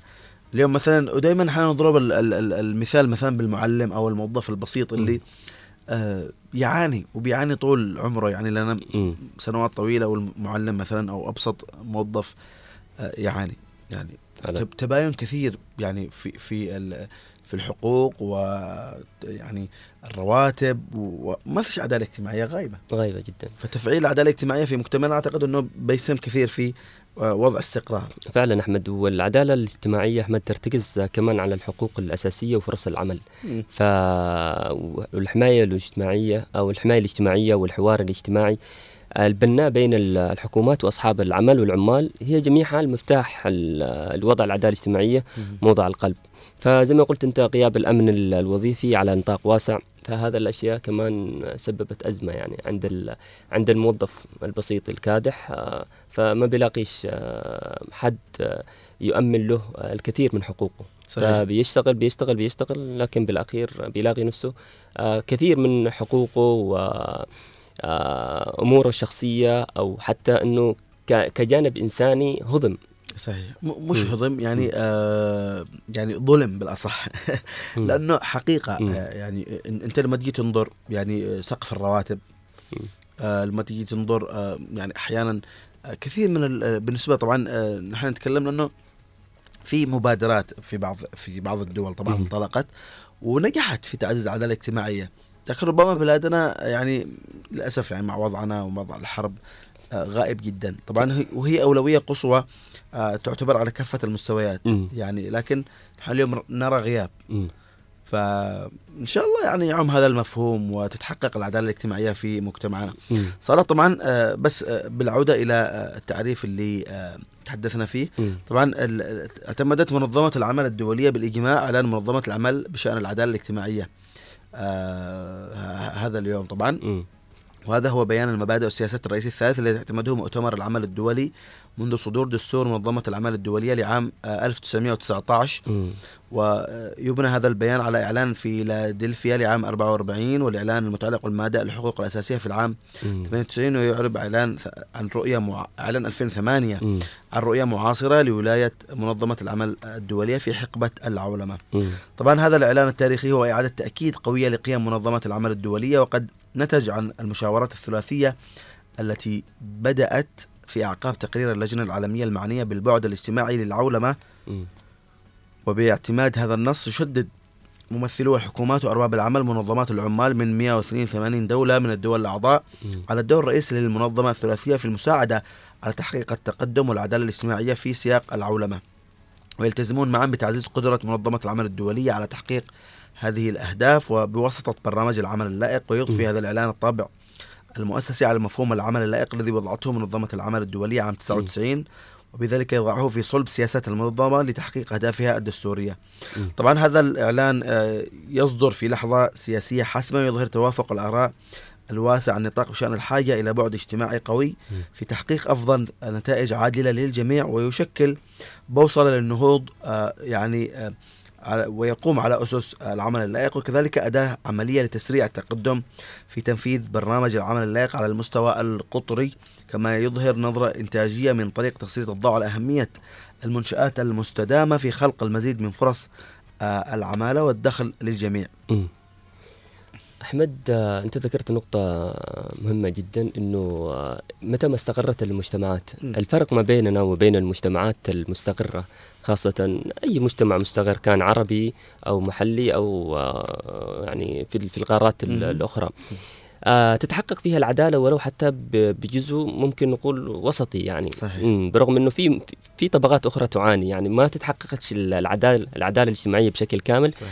لكن أي مجتمع آه، يسوده الفوضى والحرب وهذه الأوضاع مستحيل إنه تتحقق فيه العدالة ال- الاجتماعية، متى ما كانت المجتمعات مستقر، مستقرة، صحيح. متى ما كانت ال ال الناس تأخذ حقوقها، متى ما كان في في سلام موجود في المجتمع الواحد، فده الشيء تحققه الحكومات. صحيح. آه فالحكومة هي نفسها تحقق المفهوم العدالة ال- الاجتماعية من خلال نشر كثير من من المبادئ الاجتماعية اللي ممكن آه تجعل كمان المجتمع نفسه يساعد هذا هذه المبادئ نفسها التي تطلقها بعض ال- خلي خلي بالك يا صالح آه، ذكرت نقطة أنت مهمة مم. آه، توضع الحكومات طبعا آه، نحن بلادنا تعتبر في وضع حرب مم. وربما الحكومة ما قدرت توفر الأساسيات مم. فصعب ف- جدا م- مش صعب وإنما آه، هي ربما تشتغل عليه يعني بشكل متوازي لكن في هناك آه، يعني ربما أساسيات أهم مم. يعني نحن نحن نحتاج العدالة الاجتماعية مم. وما فيش حد مننا ما يحتاج. نحتاج آه يعني قانون يتكفل بحقوقنا وتوزيع عادل لثروتنا مستحقاتنا رواتبنا هذا بشكل عام شيء مسلم به لكن ربما أيضا هناك يعني أشياء مهمة الخدمات المياه. آه الاستقرار الأمن ولله الحمد لله نحن نشهد أمن يعني آه، أفضل مما كنا عليه وأفضل من غيرنا ولله الحمد لله مم. لكن ال ال يعني بالنهاية تحديات. وأعتقد إنه آه يعني صعب يعني ما بقول صعب لكن آه ممكن تسير في خطين متوازيين يعني مم. الجوانب هذه والعدالة الاجتماعية عشان يسود يعني جو توازن يعني. مم. أحمد آه، الأشياء اللي أنت ذكرتها بخصوص إنه آه، محاولات بسيطة يعني آه، اللي هي توفير بعض ال- الخدمات قد ما حاد الوضع بيحس المواطن نفسه إنه في في في عدالة اجتماعية. لكن كمفهوم العدالة الاجتماعية لما بتروح لمجتمعات أخرى مزدهرة فبتلاقي إنه يقول لك ذا من أساسياتي. ده, ده, ده أشياء بسيطة جدا. أنا. آه الماء والكهرباء والإنترنت آه حق الحق التعليمي ال- الرعاية الصحيه الصحية. لكن في في عدالة اجتماجيه أكبر من كذا. لو وجه لو وجه المقارنة صح. فعلا. لا لا لأنه تعرف ليش في في بعض المجتمعات المزدهرة اللي نحن نشوفها والمتطورة؟ متى بيتكلموا عن موضوع العدالة الاجتماعية؟ على مفهوم الطبقات. أحمد كيف مثلا المشردين صحيح آه المشردين اللي هم في الشوارع اللي بتلاحظهم في شوارع أوروبا وأمريكا وده فبيقول لك هنا بيتكلموا على العدالة الاجتماعية صحيح. لكن هنا عندنا مشردين وعندنا مواطنين وعندنا مجتمع كامل بيعاني أصبح الحال واحد يعني صحيح. ما فيش الم- المواطن المواطن يعني بحد. ذاته اللي. يعني بيشتغل. وبيكدح وبيقدم شيء للوطن. أصبح هو يعني يحتاج إلى عدالة اجتماعية فعلا. اللي هي يعني تقريبا كلنا يعني طبقة واحدة موجودين يعني اليوم. فنحتاج صراحة لأنه الطبقة العليا هذه آه، أصبحت آه، يعني في القمة وما تنظرش يمكن للي آه، منهم أسفل منهم طبعا. النظام الراس المالي يا أحمد. هو اللي آه، خلى الناس آه، في في طبقتين يعني لا، طبقة عليا طبقة سفلى و- مش- والصراع التجاري وال أيوه هو- هي هي بالنهاية. آه، أفكار وهكذا لكن. برضه لكل. لكل لكل نظام سلبيات وإيجابيات صح. يعني البعض يقول لك لكن أيام الاشتراكية مش عارف أوكي. بس لكل نظام سلبيات وإيجابيات هذا بلا شك يعني. وبالنهاية صدقنا يعني هو قانون. متى ما فرض القانون وجاءت هيبة الدولة وهيبة المؤسسات آه، الأمور بتستقر. يعني سواء في أي نظام كانت. تعرف أحمد إنه أنا حاولت إني أكثر من مرة إني أروح مثلا أدرس برا. آه كمان آه ما بعد ما خلصت البكالوريوس حاولت إني أدرس آه ماجستير برا أو إني آخذ كورس دبلومه أو أي كورس تطويري مم. خارج البلد ما قدرت تعرف ليش؟ لأنه ما فيش عدالة اجتماعية على ذكر هذه الأشياء نحن كذا قريبين من المجتمع ونحاول ان نتكلم بشكل بسيط عشان أعتقد إنه هذه القصص كمان حصلت للمستمعين. والمشاهدين أنا والدي رحمة الله عليه. آه يعني من طبقة متوسطة كان زمان. لكن حصل حقه يا أحمد في التعليم فذهب إلى برا يدرس هذا هو عدالة اجتماعية نسميها صحيح، نحن صحيح. فال كل طبقات المجتمع زمان كانت إن كانت طبقة فقيرة أو كانت طبقة لا بأس بها عندها مثلا آه، رأس مال أو شيء فتلاقي حقها في التعليم مش كذا وبس يا صالح آه. ذكرتني نقطة معلش اقطعتك لا لا عادي كمل حتى كان يتخرج من الثانوية. الم- يعني الطالب وظيفته جاهزة مم. يعني آه، بيكمل الثانوية يمكن أربع سنوات مش عارف كثلاث مم. سنوات مش عارف كم كانت مم. يخرج على طول تشي تواصل دراسات عليا يعطوك منحة تشي تشتغل شغلك موجود. هذه أحمد من ضمن الأشياء. نحن ذكرنا بس الجانب التعليمي. فالجانب التعليمي أيضا هو يندرج تحت نطاق أحمد ال- العدالة ال- الاجتماعية. صحيح. حقي في التعليم. أنا كشاب حقي في التعليم. أنا كطفل. فهذا الأمور يعني نوجد بس الفوارق يعني إنه زمان كان في عدالة اجتماعية نكون منصفين وهذا شيء واقع. أنا اليوم من من بعد يعني من بعد التسعين من مواليد التسعين آه ما وجدتش هذا الشيء فوجدت صعوبة جدا إني بروح بطور من نفسي. أيضا أنت أحمد كمان ودك وكثير من الشباب ودهم إنهم يروحوا يطوروا من أنفسهم في الجانب التعليمي ما لاقوش حقهم.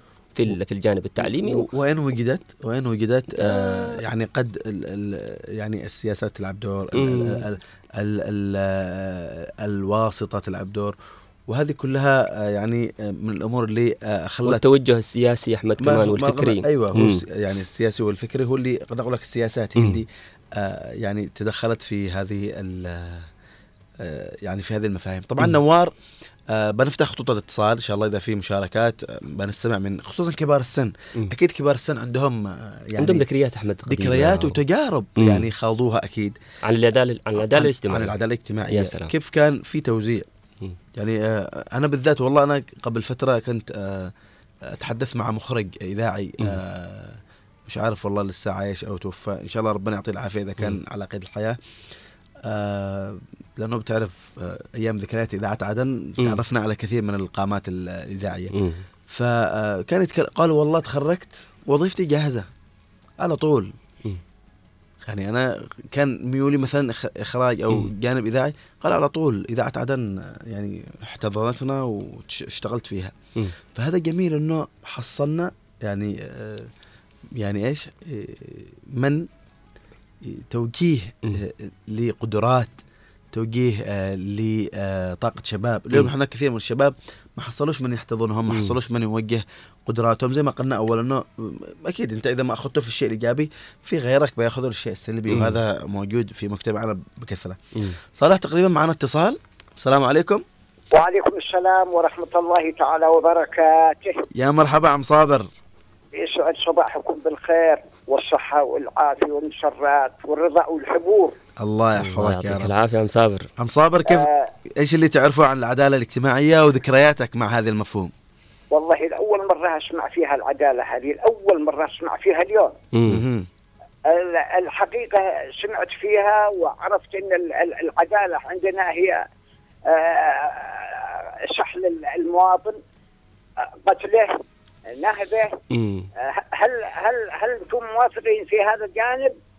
آه، سحل المواطن قتله سلبه آه، أيضا آه، نهب حقوقه عدم إعطائه حقوقه يعني ال- ال- الموظفين اللي هم أكثر من 15 عام دون علاوة سنوية إلى اليوم. الراتب ضئيل جدا. نعم. الغلاء البلاء هي هذه هي العدالة. أيضا طبعا الثروات العظيمة التي تطفها الأرض تحتنا تنهب تنهب إلى أعدائنا. يقومون بذلك ببناء مصانع طائرات صواريخ ثم تعود إلينا للضرب ال- ال- المنطقة التي خرجت منها حقيقة يعني. نعم. عم صابر؟ عم صابر؟ ربما أيوة. ربما ربما المفهوم المفهوم هذا ما كانش معروف لكن ربما كان معروف آه، كقانون في الد- في مثلا يعني في في الدولة. يعني زمان آه، أنا ذكرت أنا وصالح نموذج إنه كل واحد يتخرج من الثانوية زمان على طول وظيفته جاهزة. وهذا هو العد... هذه هي العدالة الاجتماعية عم صابر هذا جزء جزء لا يتجزأ صحيح. رغم رغم ضئيل رغم مهمل من, من العدالة الاجتماعية هذا. هذا هذا الشيء صحيح لا بس أنا اقصد كان كان كان يطبق في فترات آه، يعني في فترة آه، جمهورية اليمن الديمقراطية و... مم. وغيرها من الدول كذلك يا أخي لا نتذكر الماضي مم. الماضي الناس وصلت إلى مستويات أعلى من هذا مم. الغلاء والبلاء الآن طحن منه الشعب هل تعلم ان ال- الكيس السكر يخرج من من كوبا ويصل إلى عدن ب 8 دولار مم. أوه. مع النقلية مع البحار مع 9000 كيلو متر من كوبا إلى هنا مم. يبي- وخلال 80 80 متر إلى المخازن يرتفع إلى 100000 لا حول ولا قوة إلا بالله أشوف كيف القصة يعني أيضا التعليم التعليم الجامعي كل المناهج الموجودة في التعليم الج- الجامعي كلها أثرية من 65 صحيح من قديم. 65 اليوم لم تتغير ولم تتطور ولم يعني تواكب يعني تطورات العصر هذه الحقيقة يعني. مم. آه، بالنسبة لل- للعدالة الاجتماعية مسكينة أتت إلينا وهي ما زالت يتيمة لليوم وتتخبط. لم تحصل على مكانها حقيقة يعني. مم. آه، ال- ال- الحديث يطول لكن أترك المجال لغيري ويسعد صباحكم مم. الله صباحك يا عم يا عم صابر. صابر. ربنا يعطيك العافية. شكرا لك عم صابر. آه، عم آه، كمان معنا اتصال أحمد؟ معنا اتصال عليكم ورحمة الله وبركاته. وعليكم السلام ورحمة الله. هذا المحضار كيف حالك؟ حياك الله عم محمد. المحضار وصالح معك. أهلا وسهلا كيف حالكم؟ الله يعطيك العافية. حبيبهم انت يا محضار والله العظيم إنك تح- تذكر الحزين البكاء. مم. أي- يا أخي إيه العدالة الاجتماعية داخل البلد عندنا؟ والله. لا يوجد عدالة. العدالة عندنا مفقودة. ناس يموتوا من تخمة ناس يموتوا جوع. أين الم... أين أولياء الأمر؟ هذا كان أيام عمر بن عبد العزيز وعمر بن الخطاب. لكن إحنا الآن أين العدالة عندنا؟ معناتها بالمحضار أين العدالة؟ فين فين الآن؟ بالله عليك الآن الناس رواتبهم من 20 30 ألف خدموا 50 سنة وراتبهم 30 ألف ريال بهذا الغلاء إيش إيش من عدالة؟ مم. تروح الشرطة لا يوجد عدالة تروح القضاء لا يوجد عدالة. والمسؤولين حقنا الوزراء وهذا جالسين بالخارج. كي- كيف تشوف؟ يا محمد. بدولار يا أحمد. يا محمد عشان بس آه، طبعا آه، مفهوم العدالة الاجتماعية مفهوم آخر. آه، زي إيش طبعا آه، هو آه، انت يعني استمعت آه، ربما الجزء من الحديث لكن عشان بس ما نخلط في المفاهيم طبعا إحنا نتكلم اليوم عن العدالة الاجتماعية اللي هي آه، مساواة ال- ال- ال- المواطن مثلا آه، في الراتب آه، اعطائه راتبه بشكل يليق فيه آه، حقوقه سواء حقوقه الصحيه حقوقه المالية وكل هذه يعني تصب في مسألة العدالة. عم محمد؟ يا أحمد إيش العدالة؟ أقول لك بالله عليك إذا كان الوزراء والوكلاء يشتروا بالدولار من 30 مم. الف من أربع من كذا بالدولار ونحن اللي خدمنا من 50 سنة الآن العدالة نسوي 30 ألف سنة وخدمنا 50 سنة مم. عم محمد عم؟ محمد آه. الله يعطيك العافية بسألك سؤال كذا هل في يوم من الأيام خلال هذه الفترة أو الفترة السابقة شعرت بنوع من العدالة الاجتماعية تحققت لك لا. يعني على المستوى ال- الصحي على المستوى التعليمي على في شيء كذا بسيط يعني تعايشت معه أقسم لك بالله العظيم يا بالمحضار ما تحقق حتى ولا 1% يا محمد حتى حتى زمان لا لا زمان. تذكرني زمان لا أنا شك تكلمنا عن زمان ذكرياتك البسيطة أيام ثمانين وأيام السبعينات كنا سوا سوا عايشين بحمد الله 300 كيلو وكنت عايش اشتري الكرتون لبن ست حبات ب 100 كيلو مم. واليوم دب اللبن اليوم 35000 بالله واجي رمضان إيش بيه كل الناس بالله عليه مم. شوف الان المستشفيات المستشفيات اليوم عاد تروح تعالج كل ما فيش ما فيش المدارس عندنا الخاصة الآن أكثر من ال- البقالات وهذا. المستشفيات الخاصة مم. ودول ضبحان بالله وين يجي؟ من هو بيعالج بالله عليك يا أحمد لما نحن نتكلم عن العدالة. الفقر في الوطن غربة والغنى في الغربه وطن؟ نعم رب ربنا إن شاء الله يفرقها يا عم لا محمد. ثاني شيء يعمل شيء يمكن على الواقع قبل الموت إحنا ميتين بإذن الله بإذن الله. وصدقنا آه كل شيء آه إذا ما جاش لنا بيجي إن شاء الله لاجيالنا القادمه بإذن الله. شكرا. لك عم محمد. ربنا يعطيك الصحة والعافية. كمان احمد نحن- معنا اتصال معنا اتصال. السلام عليكم. صباح الخير. صباح الخير والعافية. صالح نوار احمد محفوظ كل الطاقم الله يحفظك عم الله محمد. الخير محمد علي المظلوم الله يعطيك العافية. نتكلم عن العدالة. اي نعم. العدالة الاجتماعية عم محمد. آه، زمان كانت لنا أيام. مم. طبعا آه، العدالة إيش تتكلم عن؟ التوظيف كتوظيف. أنا ولا عن الصحه أنا كنت بالتوظيف مدير توظيف. مم. من أول وزارة جنوبية في التسعين مم. كنت كنت مدير مكتب وزير أول وزير علي الشهيد علي سعد. وهكذا. مش عارف نتكلم عن التوظيف ولا نتكلم عن الصحة. مو- كلها كلها يا عم. ممكن تع... في نعم مم. عم محمد أنا أنا كنت أتكلم مع صالح يمكن سمعت الكلام إنه أيوة، أيوة. زمان كنت تتخرج من دراستك على طول وظيفتك جاهزة. يا سيدي بقول لك حاجة. كان أول آه، أول ما قبل امتحان شهاده ثانوية عامة ألو. أيوه أسمعك. نعطيهم استماره أها. ننزل مندوبين من لجنة معروفة. مم. الخدمه المدنيه المالية التخطيط التربية. مم. والخارجيه أربع خمس لجان ما شاء ننزل الله نعطيهم استماره تعبي. شي تخلص بقى ثانوية تشتغل مباشرة. شي تروح معهد شي تروح تخصص برا آه، سجل ثلاث ثلاث اختيارات. أها. ثلاث اختيارات. ما أول ثاني ثالث. آه إذا الشي العداليين ننزل لهم نقول لهم شي تخلص ثانوية ولا ضربك صعبة تدخل معهد صحي ولا معهد مهني مم. سجل استمارات برضه. حتى العدالية أيضا. وعلى ال- هذا على المستوى التعليمي لكن على المستوى الغذاء وال- التعليم الالزامي أيوه أيوه. لكن يجي أستاذ نقول له ما في توظيف رجع خلق تعليمك ولك دعم من الدولة. والمواصلات مجانية. مم. مواصلات مجانية طبعا من الدولة مواصلات. فياتي الكشوفات لنا؟ اللي هو منح خلاص كنا عارفين من المنح إنه طعم ثاني العلاقات الثقافيه التربية. كان مش التعليم العالي كان العلاقات الثقافيه. كانوا خمسة موظفين في غرب مكتب التربية. ولا وساطة ولا حد يجي ولا حاجة. تجي الثالث عندهم الطالب نفسه يجي. يعطوا خيارات ثلاثة مم. إيه، أول خيار الأول يعطوا له كان صعوبات ثانية لكن منح صراحة مليان بالهبل مم. هذا هذا هذا هذا على المستوى عفوا لو قطعتك هذا على المستوى التعليمي لكن على الجانب ال- الغذاء والمعيشة وأيضا على الجانب الصحي لو تذكرنا كذا أبرز المشاهد الغذاء- القديمة الغذاء كان أول معنا تعاونيات مم. ومعنا شركة تجاره مم. كان الغذاء الحبه اللبن تشيلها ب 10 شل. عشان يدفع 19 ريال مم. تمام. والله كانوا يعطوا الأغنام والبقر. اللبن ماشي لبن ماشي زراعه يعطوا البقر الالبان. يعني كل شيء متوفر. الص- الصحة كانت تعليم آه، دواء مجاني. تروح مرفقك آه، مريض ولا حاجة تشيل ورقة يروح يعطوك الدواء. بعضهم يتعذر يشتري معاه م- زواج ولا معاه شغله يقول للمريض. يعطوه يعطي الدواء يجي الدواء والله يجي جلبه بطرة يجي جلبه يعني آه، ما ما تشعر مجاني- ما تشعر إنك أقل من آه، من أخوك أو من جارك أو من كلكم متساويين مجان مجان مم. حتى لو كانوا يسموهم مهمشين. إحنا رفضنا هذه الطريقة مم. قلنا عمال الخدمات سيد القوم قومهم سيد خادم القوم سيدهم نعم. نعطيهم الكليات الطيران عارف ناس الآن عقداء بيوت يلاقوها ما مم. تفرقه الآن يقول لك سيد هاشم يعني مم. هذه منعناها عندنا. هذه الفروقات الطبقية للأسف ممنوع الشديد يعني. عامل نظافه عامل خدمات عامل خدمات صحيح. أو مهندس النظافة الآن المصطلح الجديد. المرأة أيضا التساوي في الوظائف ماشي رجل ومرأة الوظائف الاختيار البعثات ما. تخش المرأة وذلك فتاة وذلك شاب لا. اللي يجي اللي مع بعض. تساوية متساوية في حالة مثلا في حالة تم ظلم عمال آه، من قبل المسؤول هل يتحاسب يعني هل يحققوا له العدالة؟ أقول لك. المدير المدير مرتق معروف يتعين شيء شيء لكن نائب وتحت. يتعين إداريا من نائب وتحت. كان في هناك معنا لجنة نقابية مم. لجنة نقابية نقابة شعبية مم. تنتخب من مرفق مم. لجنة شؤون المعاملين يكون هذه كان بالجانب السياسي لجنة شؤون الموظفين. وفيها بشير موظفين يناقشوا قضايا الوزير عضو في هذه اللجنة عضو عضو نائب الوزير عضو في هذه اللجنة. عضو أي- ها؟ عضو عالي. ما يجيش يسيطر. والله اقسم لك بالله كنت قارع وزير.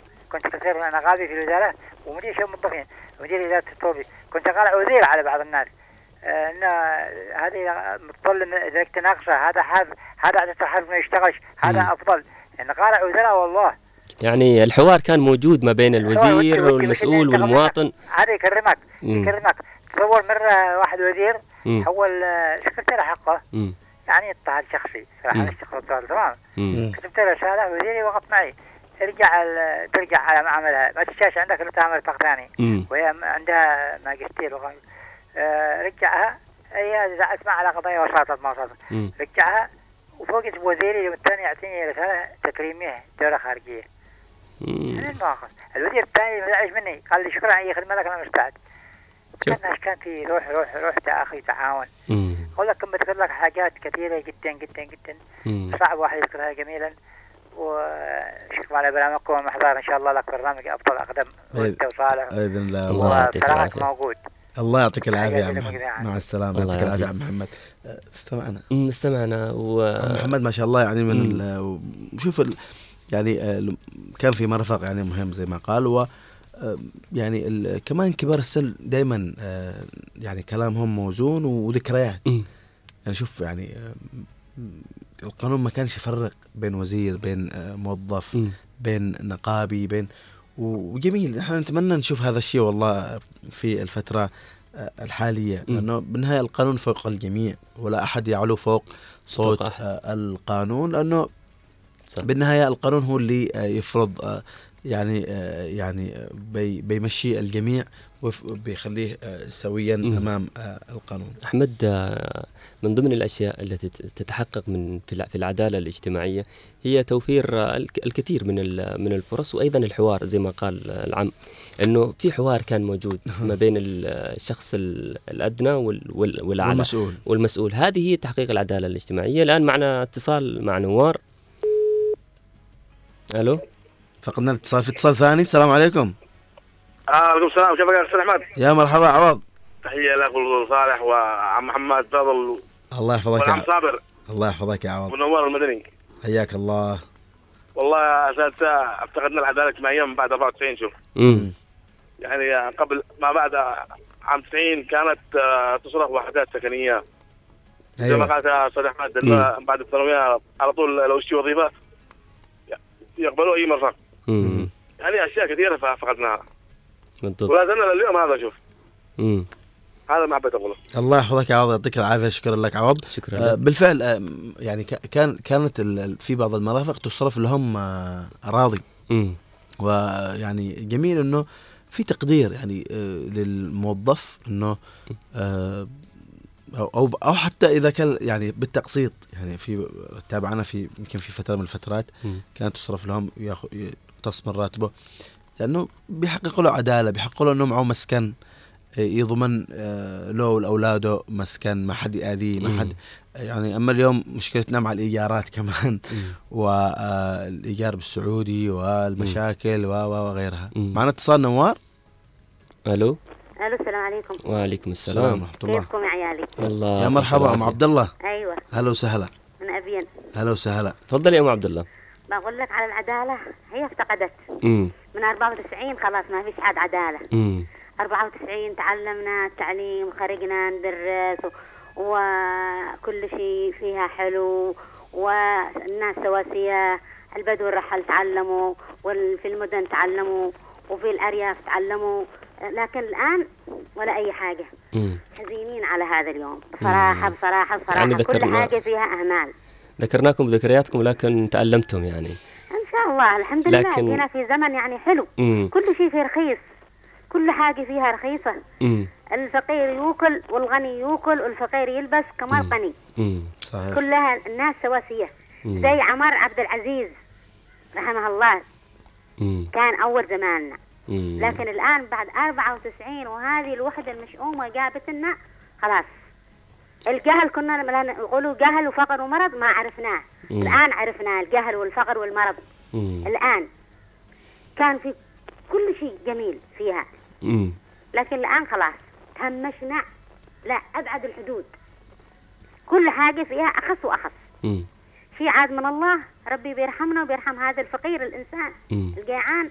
امم ولا الحمد لله يا أولادي. الحمد لله على كل حال. ربنا يعطيك العافية أم عبد الله. وإن شاء الله آه، يعني ال- يعني اللي كاتبه ربنا بيصير وبتتحقق إن شاء. الله آه، بيتم آه، يعني ال- الخير لنا جميعا بإذن الله. تعالى. أحمد وصلتنا عبر رقم ال- الواتساب بعض المشاركات أو الرسائل من وضاح عبد الله. بيقول آه، صباح الخير يا عدن. يوم العدالة الاجتماعية هو يوم يتم فيها التركيز على أهمية تحقيق العدالة في المجتمعات وتساعد العدالة الاجتماعية على إنشاء بيئة عادلة ومتوازنة لجميع أفراد المجتمع. آه، في اليوم العالمي للعد... للعدالة كمان بيقول آه، دعونا نتحد للعمل نحو مجتمع أكثر عدالة وتكافل حيث يحترم فيه كل فرد وتوفر له الفرص المتساوية للنمو والتطور. هذه الرسالة من وضاع عبد الله الفقيه. كمان آه، هنا في رسالة أيضا من حبيبة من لحج بتقول صباح الخير لكل طاقم البرنامج وبحسن الخلق تصلح علاقة الإنسان مع من حوله من الناس يكسب محبتهم وتتآلف أرواحهم. كمان عدنا بنشوف آه، رسالة من ال- الأخت العنود من يافع بتقول السلام عليكم ورحمة الله وبركاته أسعد الله أوقاتكم بكل خير. موضوع اليوم متألق كالمعتاد. بصراحة أصبحنا مقارنة بالمتسولين. نحن من يحتاج الصدقة متسولين وفاتحين حساب مصرفي بأرقام خيالية والبعض يشفق عليهم من المنظر الخارجي ولا يعلم أن المحتاج هو المتعفف الذي في بي في بيته ولا أحد يعلم عنه في هذا من يستحق آه، الصدقة. يعني العنود أخذت ال- ال- الموضوع من جانب آه، من, آخر أنه بعضهم يستقل صحيح. يستقل هذه الأمور و. فعلا أحمد آه، صالح آه، مسألة العدالة آه، مهمة جدا مم. العدالة الاجتماعية طبعا في قصة حصلت في. زمن سيدنا عمر بن الخطاب رضي الله عنه. عندما كان عمرو بن العاص واليا على مصر ف كأنه ابن عمرو بن العاص اعتدى على أحد ال- الأقباط المصريين طبعا. و ذهب ال- يعني لم ينصفه يعني فذهب إلى سيدنا عمر بن الخطاب رضي الله عنه يقول له اشتكى له فبعث إليه سيدنا عمر وقال له آه، أمام الملأ يعني قال له اضربه. فرد له يعني الضربة صفعه يعني أو شيء. فحقق العدالة يعني إنه برضو هذه عدالة اجتماعية إنه هذاك استغل إنه ابن الأمير أو ابن. الوالي وكذا وضرب مواطن يعني نحن نقول ممكن من عامة الناس. فلكن سيدنا عمر بن الخطاب رضي الله عنه رضي الله عنه قال له آه اضرب ابن الأكرمين تقريبا لم تخني الذاكرة مم. أو معنى الكلام ور- ورد يعني وخلاه يرد حقه و- وأنصف يعني هذه عدالة أيضا من أنواع العدالة الاجتماعية أنه آه، وجود كمان آه، قانون يفرض يعني احترام الآخر وحرية الآخر واليوم للأسف آه، في كثير من آه، يعني ما بقولش تنمر وإنما مم. آه، تدخل في شؤون الآخرين كمان هذه من ضمن أنه غياب العدالة الاجتماعية مم. يا آه، لكل واحد طريقته لكل واحد لبسه لكل واحد ذوقه لكل واحد فنحتاج اليوم أيضا إلى احترام هذه المفاهيم اللي. نحن اليوم للأسف أصبحت غائبة في مجتمعاتنا أصبحنا نشتي نمشي الناس على ما نشتي. نشتي الناس تلبس على ما نشتي نشتي الناس تتصرف زي ما نشتي. كأن إحنا آه أصبحنا آه يعني آه يعني إيش؟ يعني من يعني منظرين على خلق الله كلهم. مم. فهذه من الأمور أيضا اللي غابت فيها. آه دع الخلق الخالق وما عليك يعني امشي حلو أحمد ذكرت نقطة مهمة إنه لأجل هذه الأشياء إنها تتعزز أحمد إنه لابد ان كمان آه نبعد أو ننهي نحاول قدر الإمكان ننهي هذه الفوارق الطبقية أو العرقية آه كمان نحترم آه نحترم الآخرين آه بأفكارهم ب- ب- بطريقتهم بحياتهم ب- آه هذا شيء كمان يعزز ال- الجانب ال- صحيح. حتى حتى في إطار الأديان العدالة يعني كان. كان في. احترام للأديان فعلا يعني رغم إنه الدين عند الله الإسلام هذا بلا شك لكن مم. في كان حرمة للمسيحي لليهودي. آه، في كان آه، يعني آه، طبعا مع دفع آه، الجزية وغيرها. فكان في احترام لل يعني بالنهاية النبي تعامل مع يهود تعامل مع نصارى.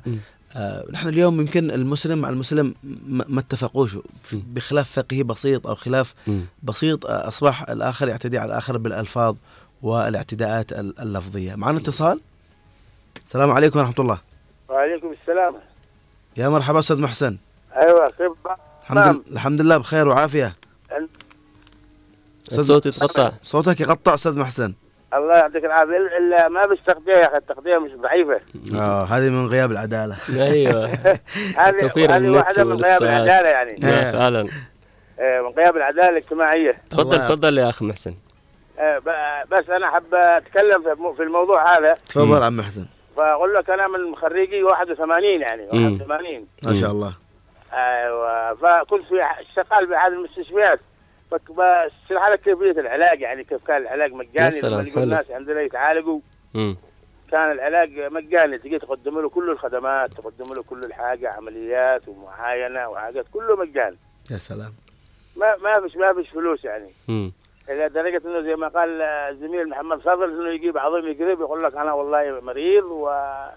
وهو مش مريض من شان يأخذ اجازه هذه حاجة الحاجة الثانية إنه بس لما شخص يكون عنده حالة مستعصية جدا يعني صعب علاجها داخل البلد تعمل لك في لجنة في لجنة كان في لجنة مكونة من الأطباء.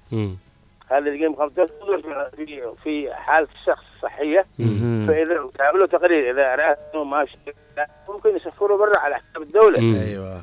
وهذا لا وهذا الآن مش موجود يعني غايب يعني. صح. الحين يخرجوا بف- يخرجوا بفلوس ها؟ الحين يخرجوك فلوس ويبوك تعطيك فلوس كله بيس. لكن الان مجان ما فيش أي حاجة. صحيح. و... والراتب كان في 81 هو 50 دينار كان 50 دينار. 50 دينار. 50 دينار كان الراتب. كم كم كم تقريبا الآن 50 دينار؟ 50 عندك دينار فكرة؟ ال 50 دينار هو عب- عبارة عن 1000 كان. 1000 ريال 1000 1000 1000 كان. أها. ها لكن الآن وين؟ 100000 الآن تساوي أيوه أيوه.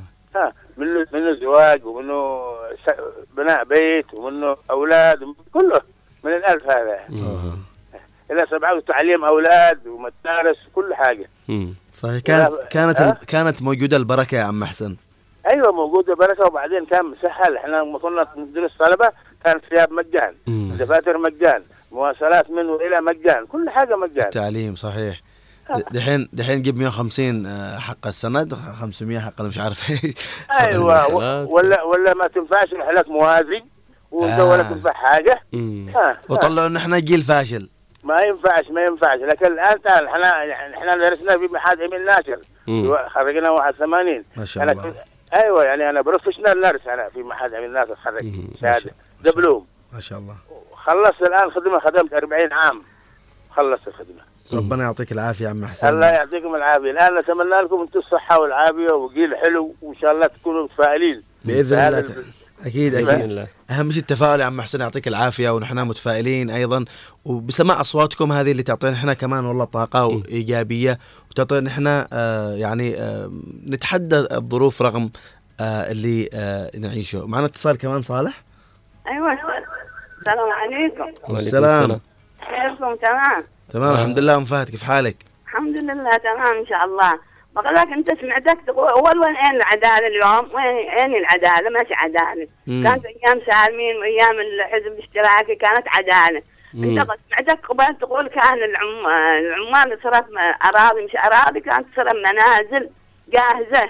أها. آه منازل جاهزة نزل صبر أنت شوف المنازل ذيك العمارات والسكنيه كانوا يقولوا سكنيه كانت صرف العمال حتى كان في مصنع حق دواقم في الطريق الخط في بير ناصر. ذيك اليوم العمال كلهم صرفت لهم منازل جاهزة. كانت أيضا كنا إحنا في كملنا ال- الكلية لقى وظيفتنا جاهزة. يا سلام. أول يوم تخرجنا في الأسبوع نفسه توظفنا. يا سلام. تمام. وكانت عدالة أيضا كانت كانت يسافروا عيالنا من ثالث إعدادي كانوا يسافروا الدول الاشتراكية. مثل شيكوسلوفاكيا و- مم. واسمها والمجر والاتحاد السوفيتي كانوا كان العلاج مجان كل حاجة كان وين دحين؟ أين أين هذه كانت عندنا تعاونيات أيضا آه، في كل آه، قرية كانت تعاونية كبيرة مم. مكان عندنا بال- بال- بالله مكان ام فهد آه، هملوها همل خلاص بعد ح- 90 خلاص هبدا ام فهد كانت رخيص الحاجات. أم فهد. مش دكاكين كانوا كما دحين مم. تجار بس. كانت في تجار بس كانوا عندنا تعاونيات نعم نعم. أم فهد. كل شيء رخيص كان دبم 25 شلن. امم أم فهد الحمد لله إنك أنت عشتي أيام فيها عدالة اجتماعية ونتمنى إن شاء الله تكون آه، آه، عدالة اجتماعية آه، يعني تخلق من جديد يا أحمد. أكيد. آه صراحة المتصلين آه ذكرناهم بذكريات. حلوة وعاشوها. أكيد. جميل نستفيد. لهم الحمد لله أنكم عشتوا عداله اجتماعيه صدقنا وشفتم صدقنا. هذه الحاجات. صدقنا. الجميل في الموضوع موضوع مهم والله. وجميل في الموضوع إنه نحن أثرناه لأنه أول شيء يوم عالمي ثاني حاجة نستفيد إنه في كان عدالة اجتماعية موجودة ربما بسبب آه الوحدة بسبب آه الحروب أيضا. يعني. يعني آه، يعني خصوصا إحنا افتقدنا العدالة الاجتماعية 100% بعد 2015 يعني صراحة يعني. أحمد بضيف حاجة بس كمصطلح للعدالة الاجتماعية وإيش هي الحلول؟ جميل. يقول لك ال- الحلول هي التوصل إلى سياس آه، إلى سياسات بديلة تخلق فرص عمل لائقة واستقرار مجتمعاتنا ونجاحها. التخفيف من حدة النزاع والصراع لأجل التقدم الاجتماعي والنمو الاقتصادي وكمان بناء مؤسسات تحصنها معايير عمل تضمن الحقوق في العمل.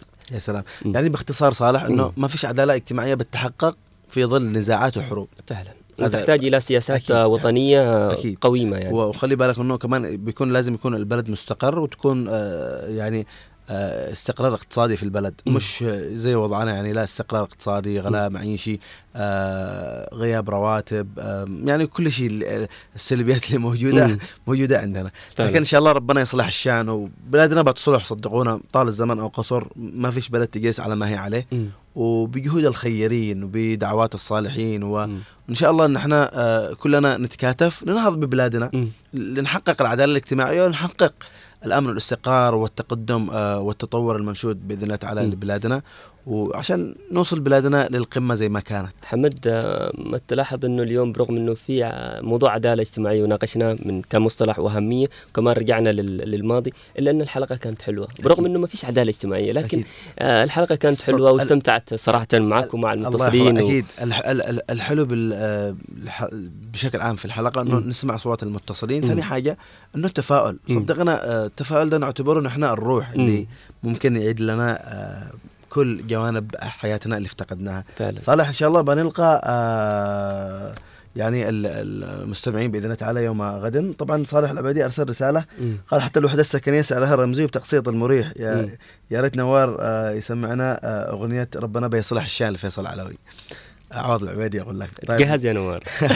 هذا طلب هذا طلب عشان العدالة. الاجتماعيه آه، يعني من عوض العبيدي. عوض ربنا. بيصلح الشان آه، الفنان فيصل علوي آه. مم. طبعا كا- كان بيفتحها بس الآن الوقت آه، بدأ يداهمنا طيب إن مم. شاء الله بإذن الله في آه، خلال الباقة القادمة بإذن الله يعوض إن شاء الله. طيب تقبلوا تحياتنا جميعا. إن شاء الله نلقاكم في حلقة الغد بإذن الله تعالى. ربنا يطيل أعمارنا جميعا. صالح استمتعت معك بالحلقة والله وبالمستمعين وبالضيف اللي كان موجود معنا. وربنا يصلح الشان. ربنا بيصلح الشان. تحية لكل الزملاء الموجودين في الكنترول المخرج نوار المدني ومن المكتبة والتنسيق معنا اليوم.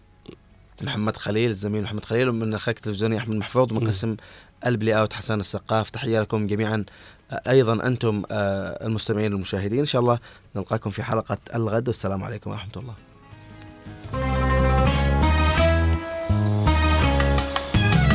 يا حبيبي